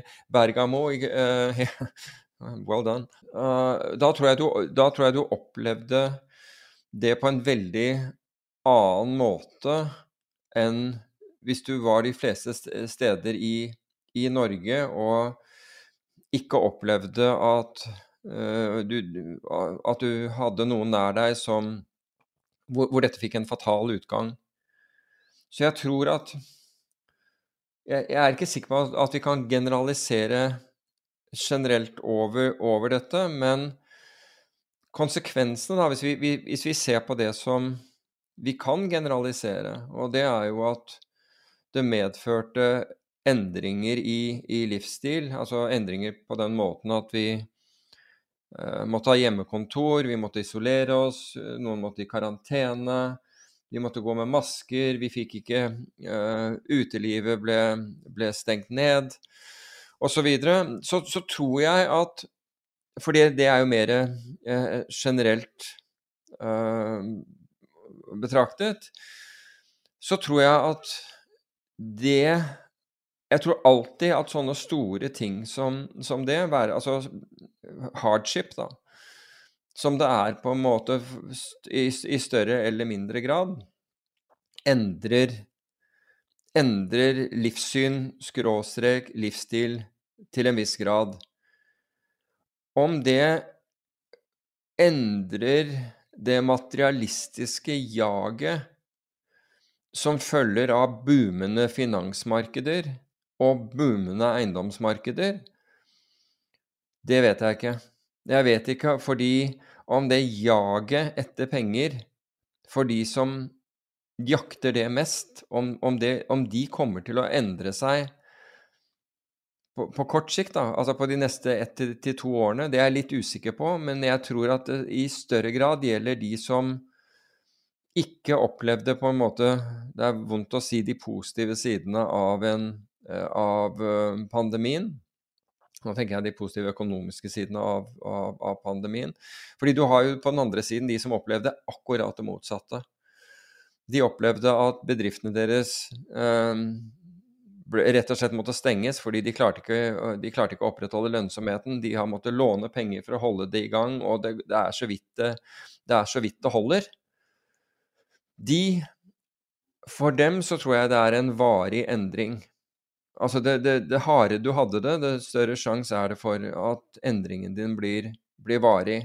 Men jeg tror det følger generelt at, at, det vil endre seg. Altså, det ser du jo på at uh, istedenfor at man skal jobbe fem dager i uken, være på kontoret fem dager i uken, så er det liksom nå kuttet ned til tre dager i uken.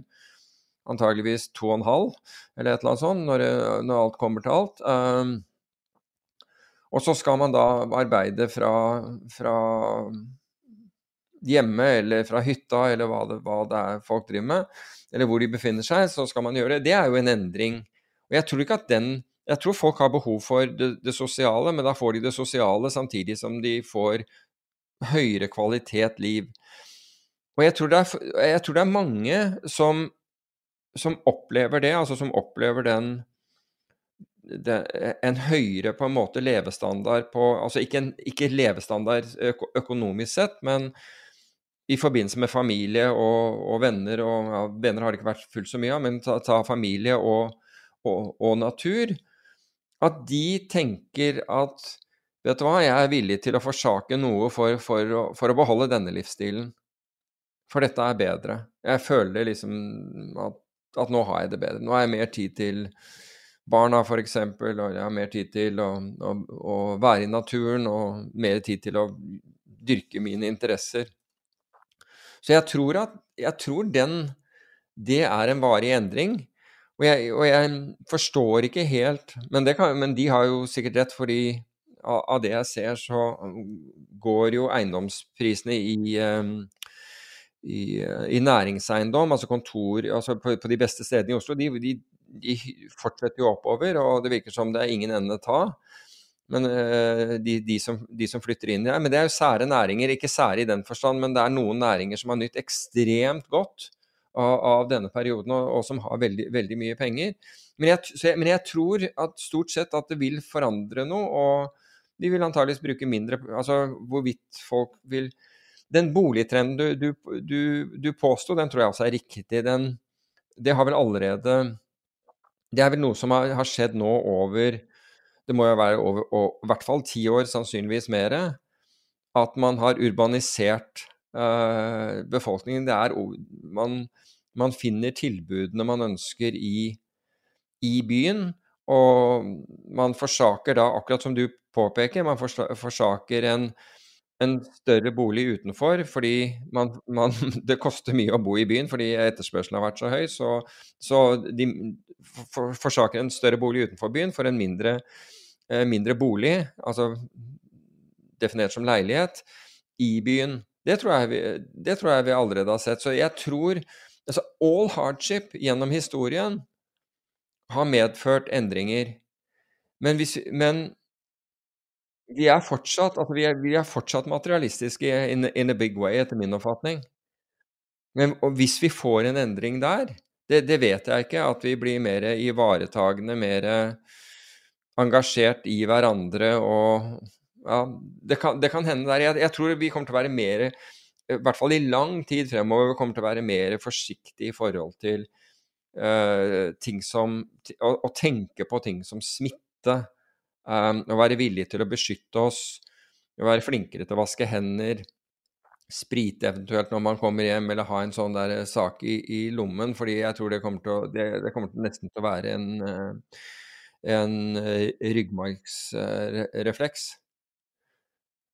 Men jeg, jeg, tror det, jeg, tror det, blir endringer. Men det er vanskelig å se hva Altså, tenker du da nå dette i en økonomisk kontekst, eller tenker du det liksom i, en, i den generelle konteksten? Nei, um, altså det, det, var jo en forsøk på å lage mange små saker om til en sånn større tanke, da. Så om, om det Det er jo det er lett å si at det er bare naivt og alt går tilbake til det normale. Men eh, det er et intervju jeg så for noen år siden med en komiker som jeg har referert til et par ganger her, som heter Bo Burnham. Og han, jeg syns han oppsummerte det så godt, og det var Jeg sier det igjen, da, men det var at, uh, at ting går stort sett i pendler fram og tilbake, og så går det én vei, nedgangstid, og så kommer det tilbake igjen, og så er alt sånn som det var før, mer, mer og mer og mer. Men av og til så er det sånn at noen finner opp bilen, og så er det ikke mer hester. Hmm. Og, og, jeg lurer på om at vi har hatt en generasjon som vokste opp født på kanskje 50-tallet, 60-tallet, og vokste opp med ikke ha så veldig mye. Ikke ha bil nødvendigvis, ikke ha TV, ikke ha radio, og, og, og møtte alle de tingene i, eh, i, mens de levde for første gang. Og ha, hadde en eh, til en viss grad vokst opp med det at ting bare blir bedre og bedre, og at ting er en ting som løser problemer, og at det gjør livet bedre. Og så er det min generasjon, som er da Jeg er vel teknisk sett millennial, men altså ikke så langt unna generasjon X. Og eh, som jeg har vokst opp med da, og, og, i mye mer komfort, men likevel møtte internett i tenårene eller i voksen alder. Mm. Og så har du den neste generasjonen da, som vokste opp eh, og hadde iPad som liten, og har vokst opp med at å kjede seg ikke eksisterer. Mm. Fordi at du har kontinuerlig underholdning hvis du vil ha det. Du har Og dem opplever jeg at er veldig bekymra for det, og er bekymra for miljøet. Og jeg ser at niese og nevøer, hvis de skal kjøpe seg noe, så er det utelukkende på Finn eller på Tice. Det er utelukkende brukt. De kjøper seg ikke nye ting. Ingen, og, og, og det, det, gjelder i alle samfunnslag, som jeg ser også. Altså fra rik til fattig, så, så, er det fokuset på de unge å kjøpe seg brukte ting. Og selge brukte ting. Og kjøpe og selge. Altså de har et mm. konsum, for så vidt, men det påvirker ikke BNP-en. Og, øh, og så tror jeg også at de, at de er veldig De er mye, mye mer bevisst fordi at de har ting som Instagram og de har sånne ting. Sånn at de får de impulsene som jeg f.eks. ikke hadde da jeg var liten du vet hva som er kult. Du vet hvordan du skal oppføre deg på kamera. Du, vet, du har sånne type impulser som ingen generasjoner før har hatt. Sånn at du blir, du blir sånn hyperbevisst fra liten. For meg så virker det nesten som at, at barn er nostalgisk for sin egen barndom nå, for de er redd for å liksom ikke være barn lenge nok. Og, og at, at, det er så mye sånne uventa ting som skjer med de neste generasjonene. Sånn at jeg bare Jeg tror kanskje vi undervurderer litt effekten av korona oppi alt det der, der vi er gjennom det som effektivt sett er en verdenskrig, hvis man ser på begivenhetsstørrelsen. Og så kommer vi ut på andre sida, og så skal liksom alt bare være sånn som det var før. Mm. Og vi mm. skal bare sitte og kjøpe iPader, og vi skal sitte og, og dra på eh, ferie til London med Ryanair og alt sånn. Men jeg opplever i hvert fall at mine verdier har endra seg, og jeg tar ikke lenger morgendagen for gitt. Og jeg gjør de tingene som jeg, ville ha utsatt, gjør jeg nå i stedet for å utsette det. Jeg vet ikke med deg, jeg vet ikke Jo, altså, jeg, jeg har vel Jeg syns at jeg opplever I hvert fall sånn, sånn som umiddelbart uh, comes to mind, det er at når vi gikk inn i denne, inn i denne krisen, så var det Så forsto vi ganske tidlig at den, de det var mest fare for, det var de med sekundære sykdommer og de som var eldre. Og selvfølgelig de eldre med sekundære sykdommer hadde, eh, var de mest utsatte. Og da var det gjort mye, og argumentert mye, for å ivareta de, altså den gruppen. Og man ble påminnet om uh, å, å bruke bruke maske og være forsiktig, eh, fordi det, eh, nettopp pga. At, at den gruppen, vi andre, ville bli veldig, kunne bli veldig dårlige. Men det ville være som, uh, som en influensa squared.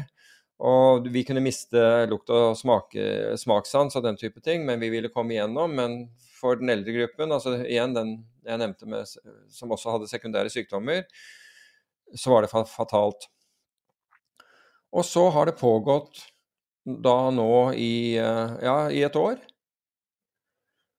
Og nå det Nå opplever jo jeg at nå er det akseptabelt nesten Altså at OK, eh, vi vil gjerne ut igjen, og barna har rett til skolegang og barnehaver og alt mulig sånn, og det trumfer da eh, disse eldre med, med sekundære sykdommer.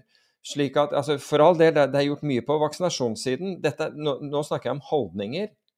Um, og nå er holdningen at liksom, ja, det er en kost man er villig til å ta. At, at, at folk dør av, uh, av covid, som, har, som, da er eldre og har sekundære sykdommer. Nå er det liksom plutselig blitt en kost for, å, for at uh, barna skal kunne leke og ting skal kunne, kunne foregå. Det er den største endringen som jeg tenker at jeg har opplevd i dette.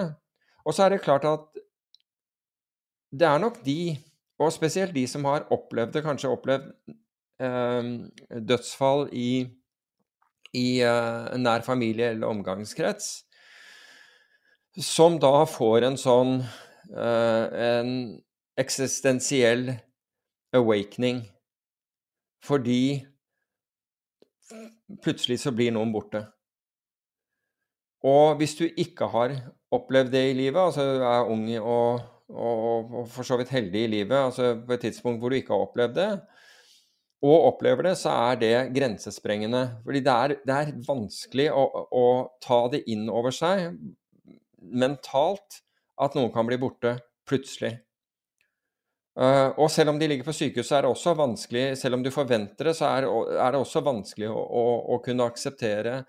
Så kanskje, altså av det som har skjedd, så har flere erfart disse tingene, og derfor uh, begynt å, liksom, å, tenke litt mer på altså, hva er livet, i anførselstegn, og også hvordan de skal oppføre seg. Og, altså, jeg vet om jeg vet, jeg vet, om folk som er, er, Jeg kjenner jo flere som er syke i dag, ikke av, eh, av korona, men som har, uh, som har uh, alvorlige sykdommer.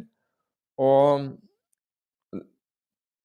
og jeg ser den problematikken. Jeg ser liksom bucket lists dukke opp og, og sånne ting. Altså ting man gjerne vil få med seg og ønsker å oppleve osv. Så, videre. så jeg vet Det er ikke relatert, som sagt. Mine ikke, har ikke vært eh, De jeg kjenner, har, har ikke vært relatert til korona. Men, men pga. korona så har, så har, mange flere opplevd lignende, da. Og det er klart at da Det får jeg selvfølgelig til å tenke deg om. Og jeg skjønner godt den derre at uh, Ikke ta for gitt at, at morgendagen, uh, morgendagen, kommer.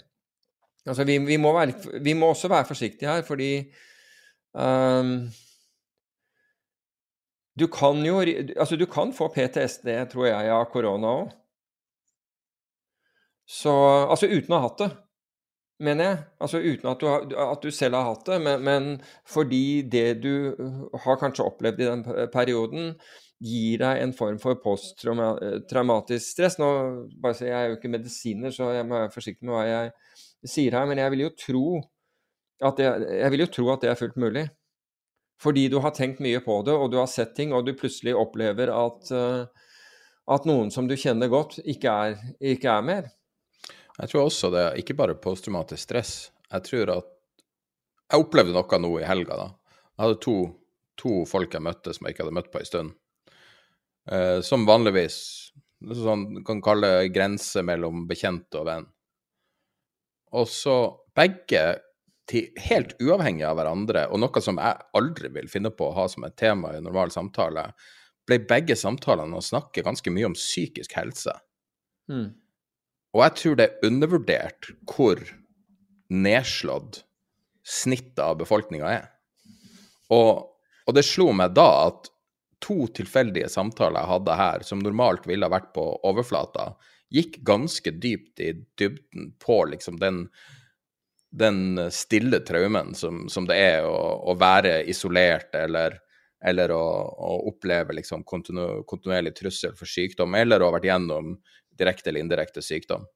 Mm. Eh, altså, bare for å ta et eksempel som er et liksom tullete eksempel, som kanskje ikke er seriøst, men hvis du ser på historien til eh, noe som, som er blitt snakka mye om, altså Formel 1 er jo blitt en stor del av eh, mange siden hverdag. Og Formel 1 ble funnet opp i England nesten rett etter andre verdenskrig. Og hvis du ser Formel 1-løp i starten, så var det så risikabelt som nesten fysisk mulig å være. Altså, da sto folk bak sånne eh, sånne Hva heter det? Sånne Haybales, ja. Eh, altså, de hadde og, og, det var så dødelig og så farlig. Og eh, det som har blitt beskrevet da, var at folk hadde nesten en sånn sånn tilfeldig forhold til risiko, fordi at de hadde blitt Altså, i England hadde de blitt bomba i um, Hva det var, i uh, tre år eller fire mm. år. Du ble bomba nesten kontinuerlig. Du levde i ruiner. Så ditt forhold til død var altså Det var et nært personlig forhold. Og det førte til noe så random som at Formel 1 ble funnet opp. Fordi at ingen brydde seg om risiko. Jeg syns det er litt sånn artige tanker å tenke på fordi Det trenger ikke å være negativt. Du kan selvfølgelig snakke om stresset og, og, og, alt det, og det er jo mm. veldig veldig viktig. Men det kan jo også føre til masse positive ting. Mm. Men Ja, altså det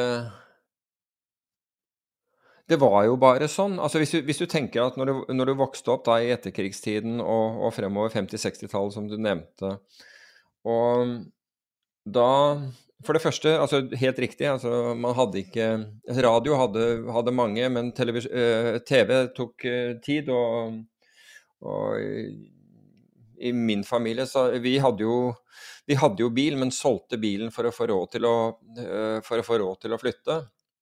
Og da kan jeg love deg, bussene kom ikke hver, hver, hver tiende minutt. Altså de kom kanskje ikke en gang i timen eller noe sånt. Uh, så det var, litt, så det var annerledes. Og, og, du hadde ikke da du hadde ikke da selvfølgelig sosiale medier og alt mulig sånn, så, må, så skulle, du, skulle, du skulle, du ha underholdning, underholdning, så måtte du rett og slett ordne det selv.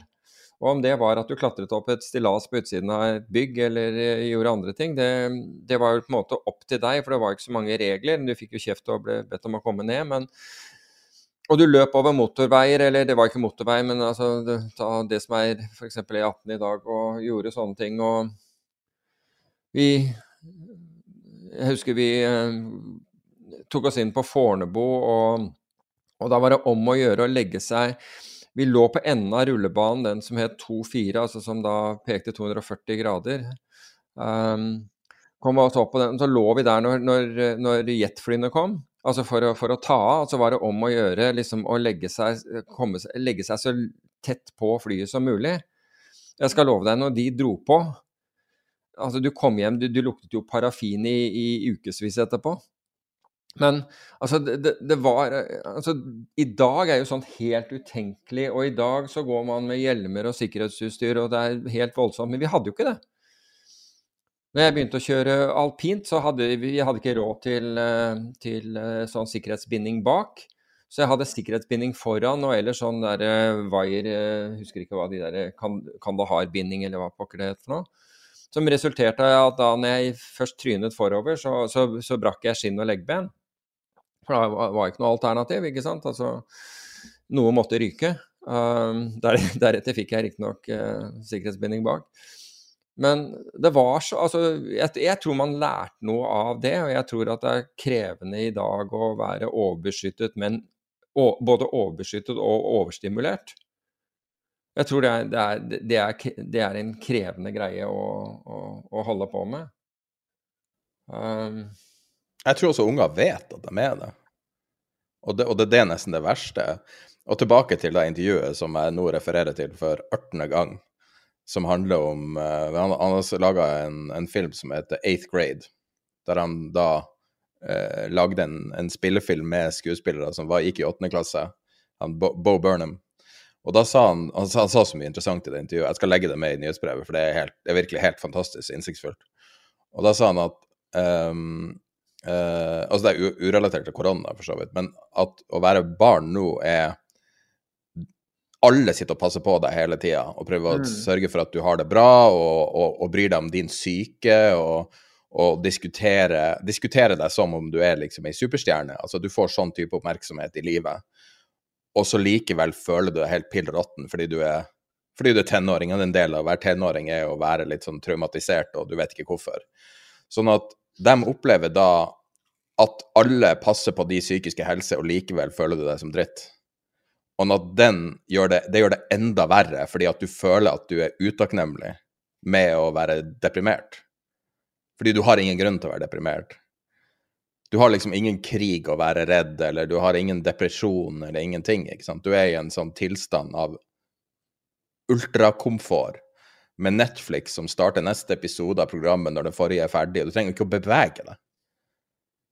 Og det tror jeg ikke er helt sunt for psyken. Altså. Også for voksne. Altså. Det er jo ikke det at bare unger har det problemet, alle har det problemet. Ja, jeg, jeg vet ikke. Jeg, da, da, jeg vokste opp, så, så var var det, Jeg hørte aldri uttrykket depresjon når det gjaldt, når det gjaldt uh, barn.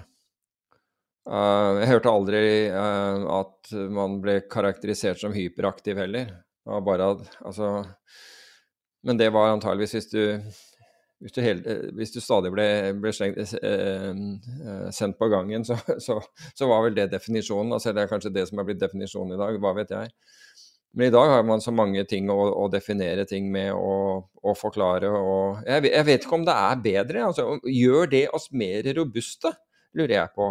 Altså alt det vi har av regler og, og sikkerhetsutstyr og, alt det der. Selvfølgelig, du, du, vil jo se, ikke at noen skal slå seg, spesielt eget barn. Du vil ikke at de skal eh, slå seg, men samtidig så, så var det jo det der at du slo deg hvor du forsto hvor grensene lå.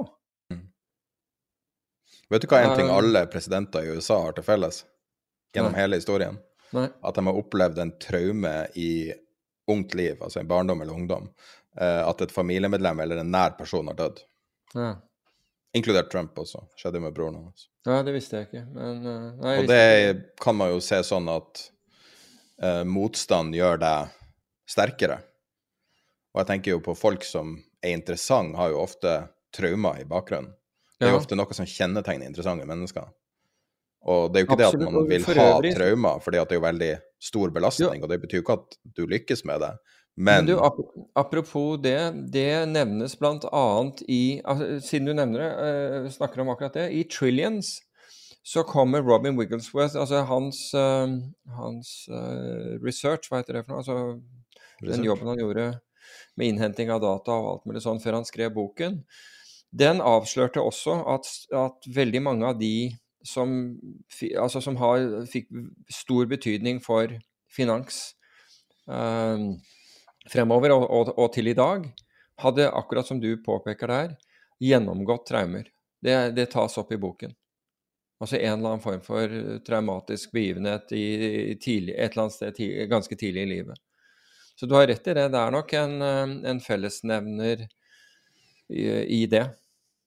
Men i dag så Altså, barn av i dag vil jo også oppleve det, dessverre. Altså unge mennesker i dag vil også oppleve, oppleve traumer til, til, tross for at vi har alt, altså sikkerhetsutstyr og alt mulig sånn. Det forhindrer jo ikke at, at uh, at noe skjer med foreldre eller søsken eller, eller, eller slikt, dessverre. Det gjør jo ikke det. Um, barn som er sånn tre-fire år gammel nå, uh, scorer dårligere på tester, sånne generelle tester, enn tidligere generasjoner pga. korona. At de er mindre stimulert. Ok.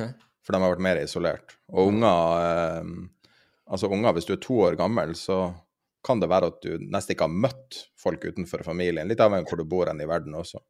Ja, Vil jeg også presisere at det, det, første eksempelet jeg hadde på eiendom, det var spesifikt USA. Altså. Så det gjelder ikke Norge, det med store boliger. Altså Det kan være at det er et tema i Norge i noen sammenhenger, men det gjaldt spesielt den dynamikken som er i USA med pendling. Og, og, når det gjelder dette eksempelet her, så tror jeg det gjelder mer eh, visse deler av USA, så man må jo selvfølgelig skille på men altså, jeg skal tenke meg, tenk deg Kina, hvordan de har holdt på der de har låst døren fra utsida eh, ja, for hele byen. Ja, ja sveise igjen dører, liksom. Altså, ja.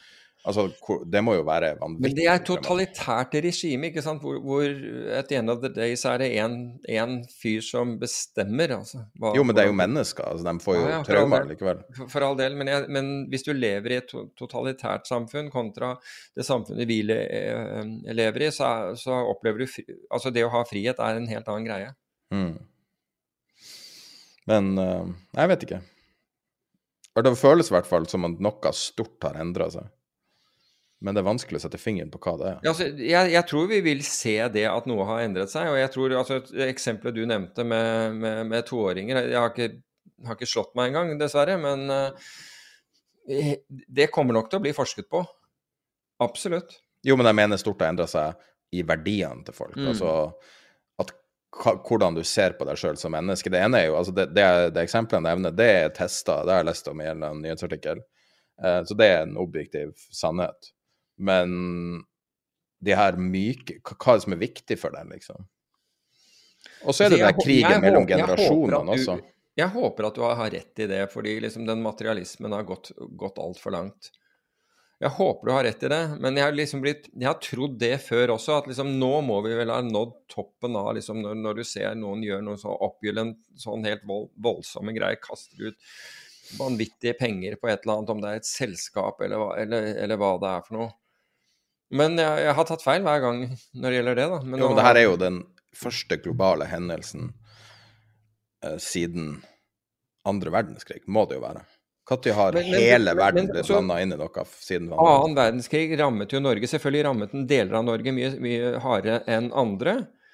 Uh, og hvor man merket det uh, håper jeg, det voldsomme mye mer. Mens andre deler av Norge så merket man det, det mindre, fordi eh, man var ikke like, like, utsatt i de regionene. Men felles for dem var at Norge var okkupert, man var i en krig, og Norge var okkupert av en fremmedmakt.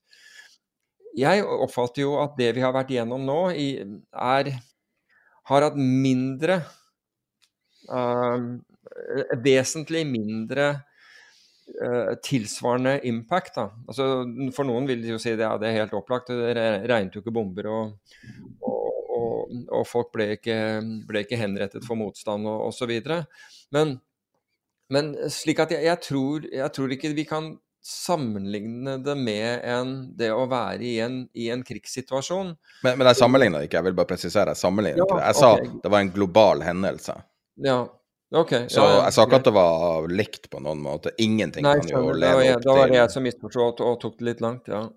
Nei, altså, men, men, hvis du da skal se på reelle på en måte, bevis på det her, så er det jo tenker jeg, splittelsene som er i uh, USA, noen politiske splittelser. Har du sett noe ja, lignende enn det før? Nei. Det er, det er, rart du skulle nevne, for jeg har, jeg har tenkt en del over dette her i løpet av helgen. Uh, ikke minst fordi jeg, jeg, hørte på en podkast fra NRK om liksom, muligheten for Trumps gjenvalg osv. Eh, og den QAnon uh, uh, BBC, var den i syv deler, som, som du Ja. sendte meg? Jeg legger den med i nyhetsbrevet. Kanskje Ja, altså, det beste helt- som er altså, laga Det er helt utrolig. Og det er så magisk. Kan jeg bare, si, bare gi deg en kort primer på det? Podkasten starter med at han karen drar på et tegnekurs, han som forteller historien. Og så, og så i tegnekurset så nevner de ei bok som handler om heksebrenningperioden, som viser seg å være mye lenger enn jeg trodde, over flere hundre år. Og han drar en direkte parallell til heksebrenning til, til QAnon, som er totalt troverdig. Og det er en, en historie som tar deg gjennom hele den eh, Det du tror du vet, og det lærer masse. Uansett hvor mye du har studert der, så tror jeg du lærer masse av det. Men så får du bare en sånn perspektiv som Jeg kan ikke føle at jeg har opplevd noe sånn perspektiv. Og så Det var kan jeg, kan jeg nevne en, en, en liten hendelse fra, fra den samme serien. Eh, Så er det han uh, karen som da tar med seg et automatgevær og reiser til New York og oppsøker da dette, denne, dette pizzarestauranten Washington DC. Oh, Sorry, det er min feil. Comet Ping Pong heter det. Ja, nettopp. Den, den pizzarestauranten som da man har antydet er hovedkvarteret for, for denne pedofile, eh, satanistiske gruppen ledet av Hillary Clinton, eh, som da så, Som er da den deep state i USA. Og de holder da på med, med disse ritualene og pedofili i kjelleren på denne pizzarestauranten. Så denne karen, som da har flere døtre, han tar med seg et, eh, en eh, Hva heter det? Assault rifle på norsk? Automatgevær. Militært automatgevær inn i denne restauranten og begynner å skyte. Det er i hvert fall ingen som dør. Men dette gjør han fordi Og han, han leser da inn på forhånd at han gjør dette for døtrene sine, for å beskytte døtrene sine og alle andre døtre. Fordi, fordi Er det her ditt første møte med Pizzagate? Uh, nei, jeg hadde hørt om det tidligere, men, ikke, men at dette, dette foregikk i, den, i, i kjelleren. Så viste det seg da at denne bygningen Og dette her har blitt spredd ut på nettet om dette, og alle disse QAnon, eller i hvert fall vesentlig del av disse QAnon-tilhengerne, tror på dette. Denne bygningen har ingen kjeller. Det er ikke noe kjeller i den bygningen whatsoever.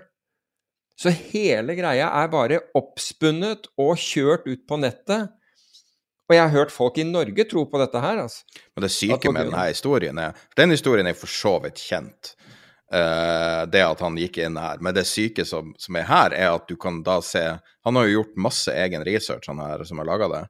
Og så ser du at denne historien starta på midten av 90-tallet på en tilfeldig chat der folk drev og samla eh, konspirasjonsteorier om Clinton-familien, der den der teorien som heter Clinton body count, som er også veldig kjent. Ja, den og, og, det, og det er masse folk som tror, tror på det. Og det starta med et selvmord av en, um, av en uh, person som jobba med dem, og så, og så ble det Min poster, tror jeg ja, og så eh, ble det til anklager om at de har drept 50 pluss mennesker. Og, Mm. og eh, altså, tar ikke stilling til det, jeg bare sier hva, hva det er de sier her, og hvordan den teorien ble til, hvordan det ble til QAnon, hvordan det ble til eh, eh, Hvordan det var kobla opp til Satanic Panic, som også Og hvordan det her egentlig til syvende og sist er nøyaktig sånn som heksebrenningprosessen ble til. Mm. Og det lover dårlig for framtida. Ja, det For det, varte i 200 år. Ja. Ei bok. Men, men, men du hører han, han intervjuer jo I den BBC-serien så intervjuer han jo mange om, om deres syn på dette, altså da republikanere og QAnon-tilhengere. Og du, liksom, du tenker Er det mulig? Er det virkelig mulig at disse folkene altså ikke hører hvor, hvor, hvor vilt og gærent dette her er? Forresten, podkastserien heter The Coming Storm, Mm. og den er laga av BBC. Og jeg legger link til den i nyhetsbrevet som blir sendt ut med podkasten. Og det er virkelig verdt å høre på. Hvis du har lyst til å forstå nåtida, så tror jeg ingenting er viktigere enn å høre det. Men det er jo som i lydbok. Det er en ganske lang, da. Syv timer eller noe sånt. Ja, det var noe sånt, så, så det tok meg noen dager Jeg, hørte, jeg hørte det nesten i ett, altså. Gjorde du det? Ok. Nei, jeg hørte på det i Da jeg var ute med Eller når jeg er ute og, og, og går, så hører jeg ofte på Med hunden så hører jeg ofte på lydbøker eller noe slikt. Så jeg hørte på den da.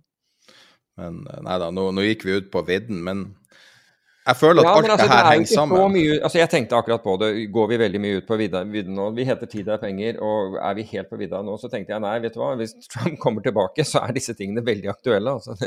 Ja, men uansett om han kommer tilbake eller ikke. Ja, ja, for all del. Verden er forandra. Altså verdens viktigste stormakt er ikke det den en gang var. Og det må vi bare ta for gitt. Nei, altså, man vil bruke militærmakt mot demokratiet, f.eks. Altså, hvor er det det kommer fra? Og det, det, det rare er jo, altså oppi det hele, er jo men Dette er ikke bare kommet derfra, men, men republi republikanere som gjemte seg inne i, inne i kongressbygningen, altså som lå under, under skrivebordet og gjemte seg og og, og, og, ville, ville tiltale eh, altså riksrettssak mot, mot, Trump. Det var jo total galskap, det som foregikk. Alle mente at dette her gikk langt, langt over. Og noen uker etterpå så stemmer de imot riksrettssak. Det er jo helt fantastisk. Det er jo eh, altså Det er helt utrolig. Men vet du hva, summen av det her Nå har vi jo gått positivt og nøytralt og alle mulige veier. Jeg tror sum, mitt personlige syn er at vi undervurderer eh, hvor mye opp, oppladda demand det er. Altså hvor mye Hva det vil si at hele verden sitter på vent i to år. At det må bety mer enn litt. Og jeg tenker på hvordan de feira slutten i andre verdenskrig i New York, det kjente bildet med han der eh, sjømannen og hun eh, sykepleieren som kysser. Mhm. eh, altså den galskapen som var på slutten av andre verdenskrig. At vi kanskje undervurderer litt hvordan sommeren 2022 vil se ut for forbruk eller for livsnyting eller for bare ut, altså utløsning, avslapping, liksom. eh, Da mener jeg utløsning i, eh, av energi.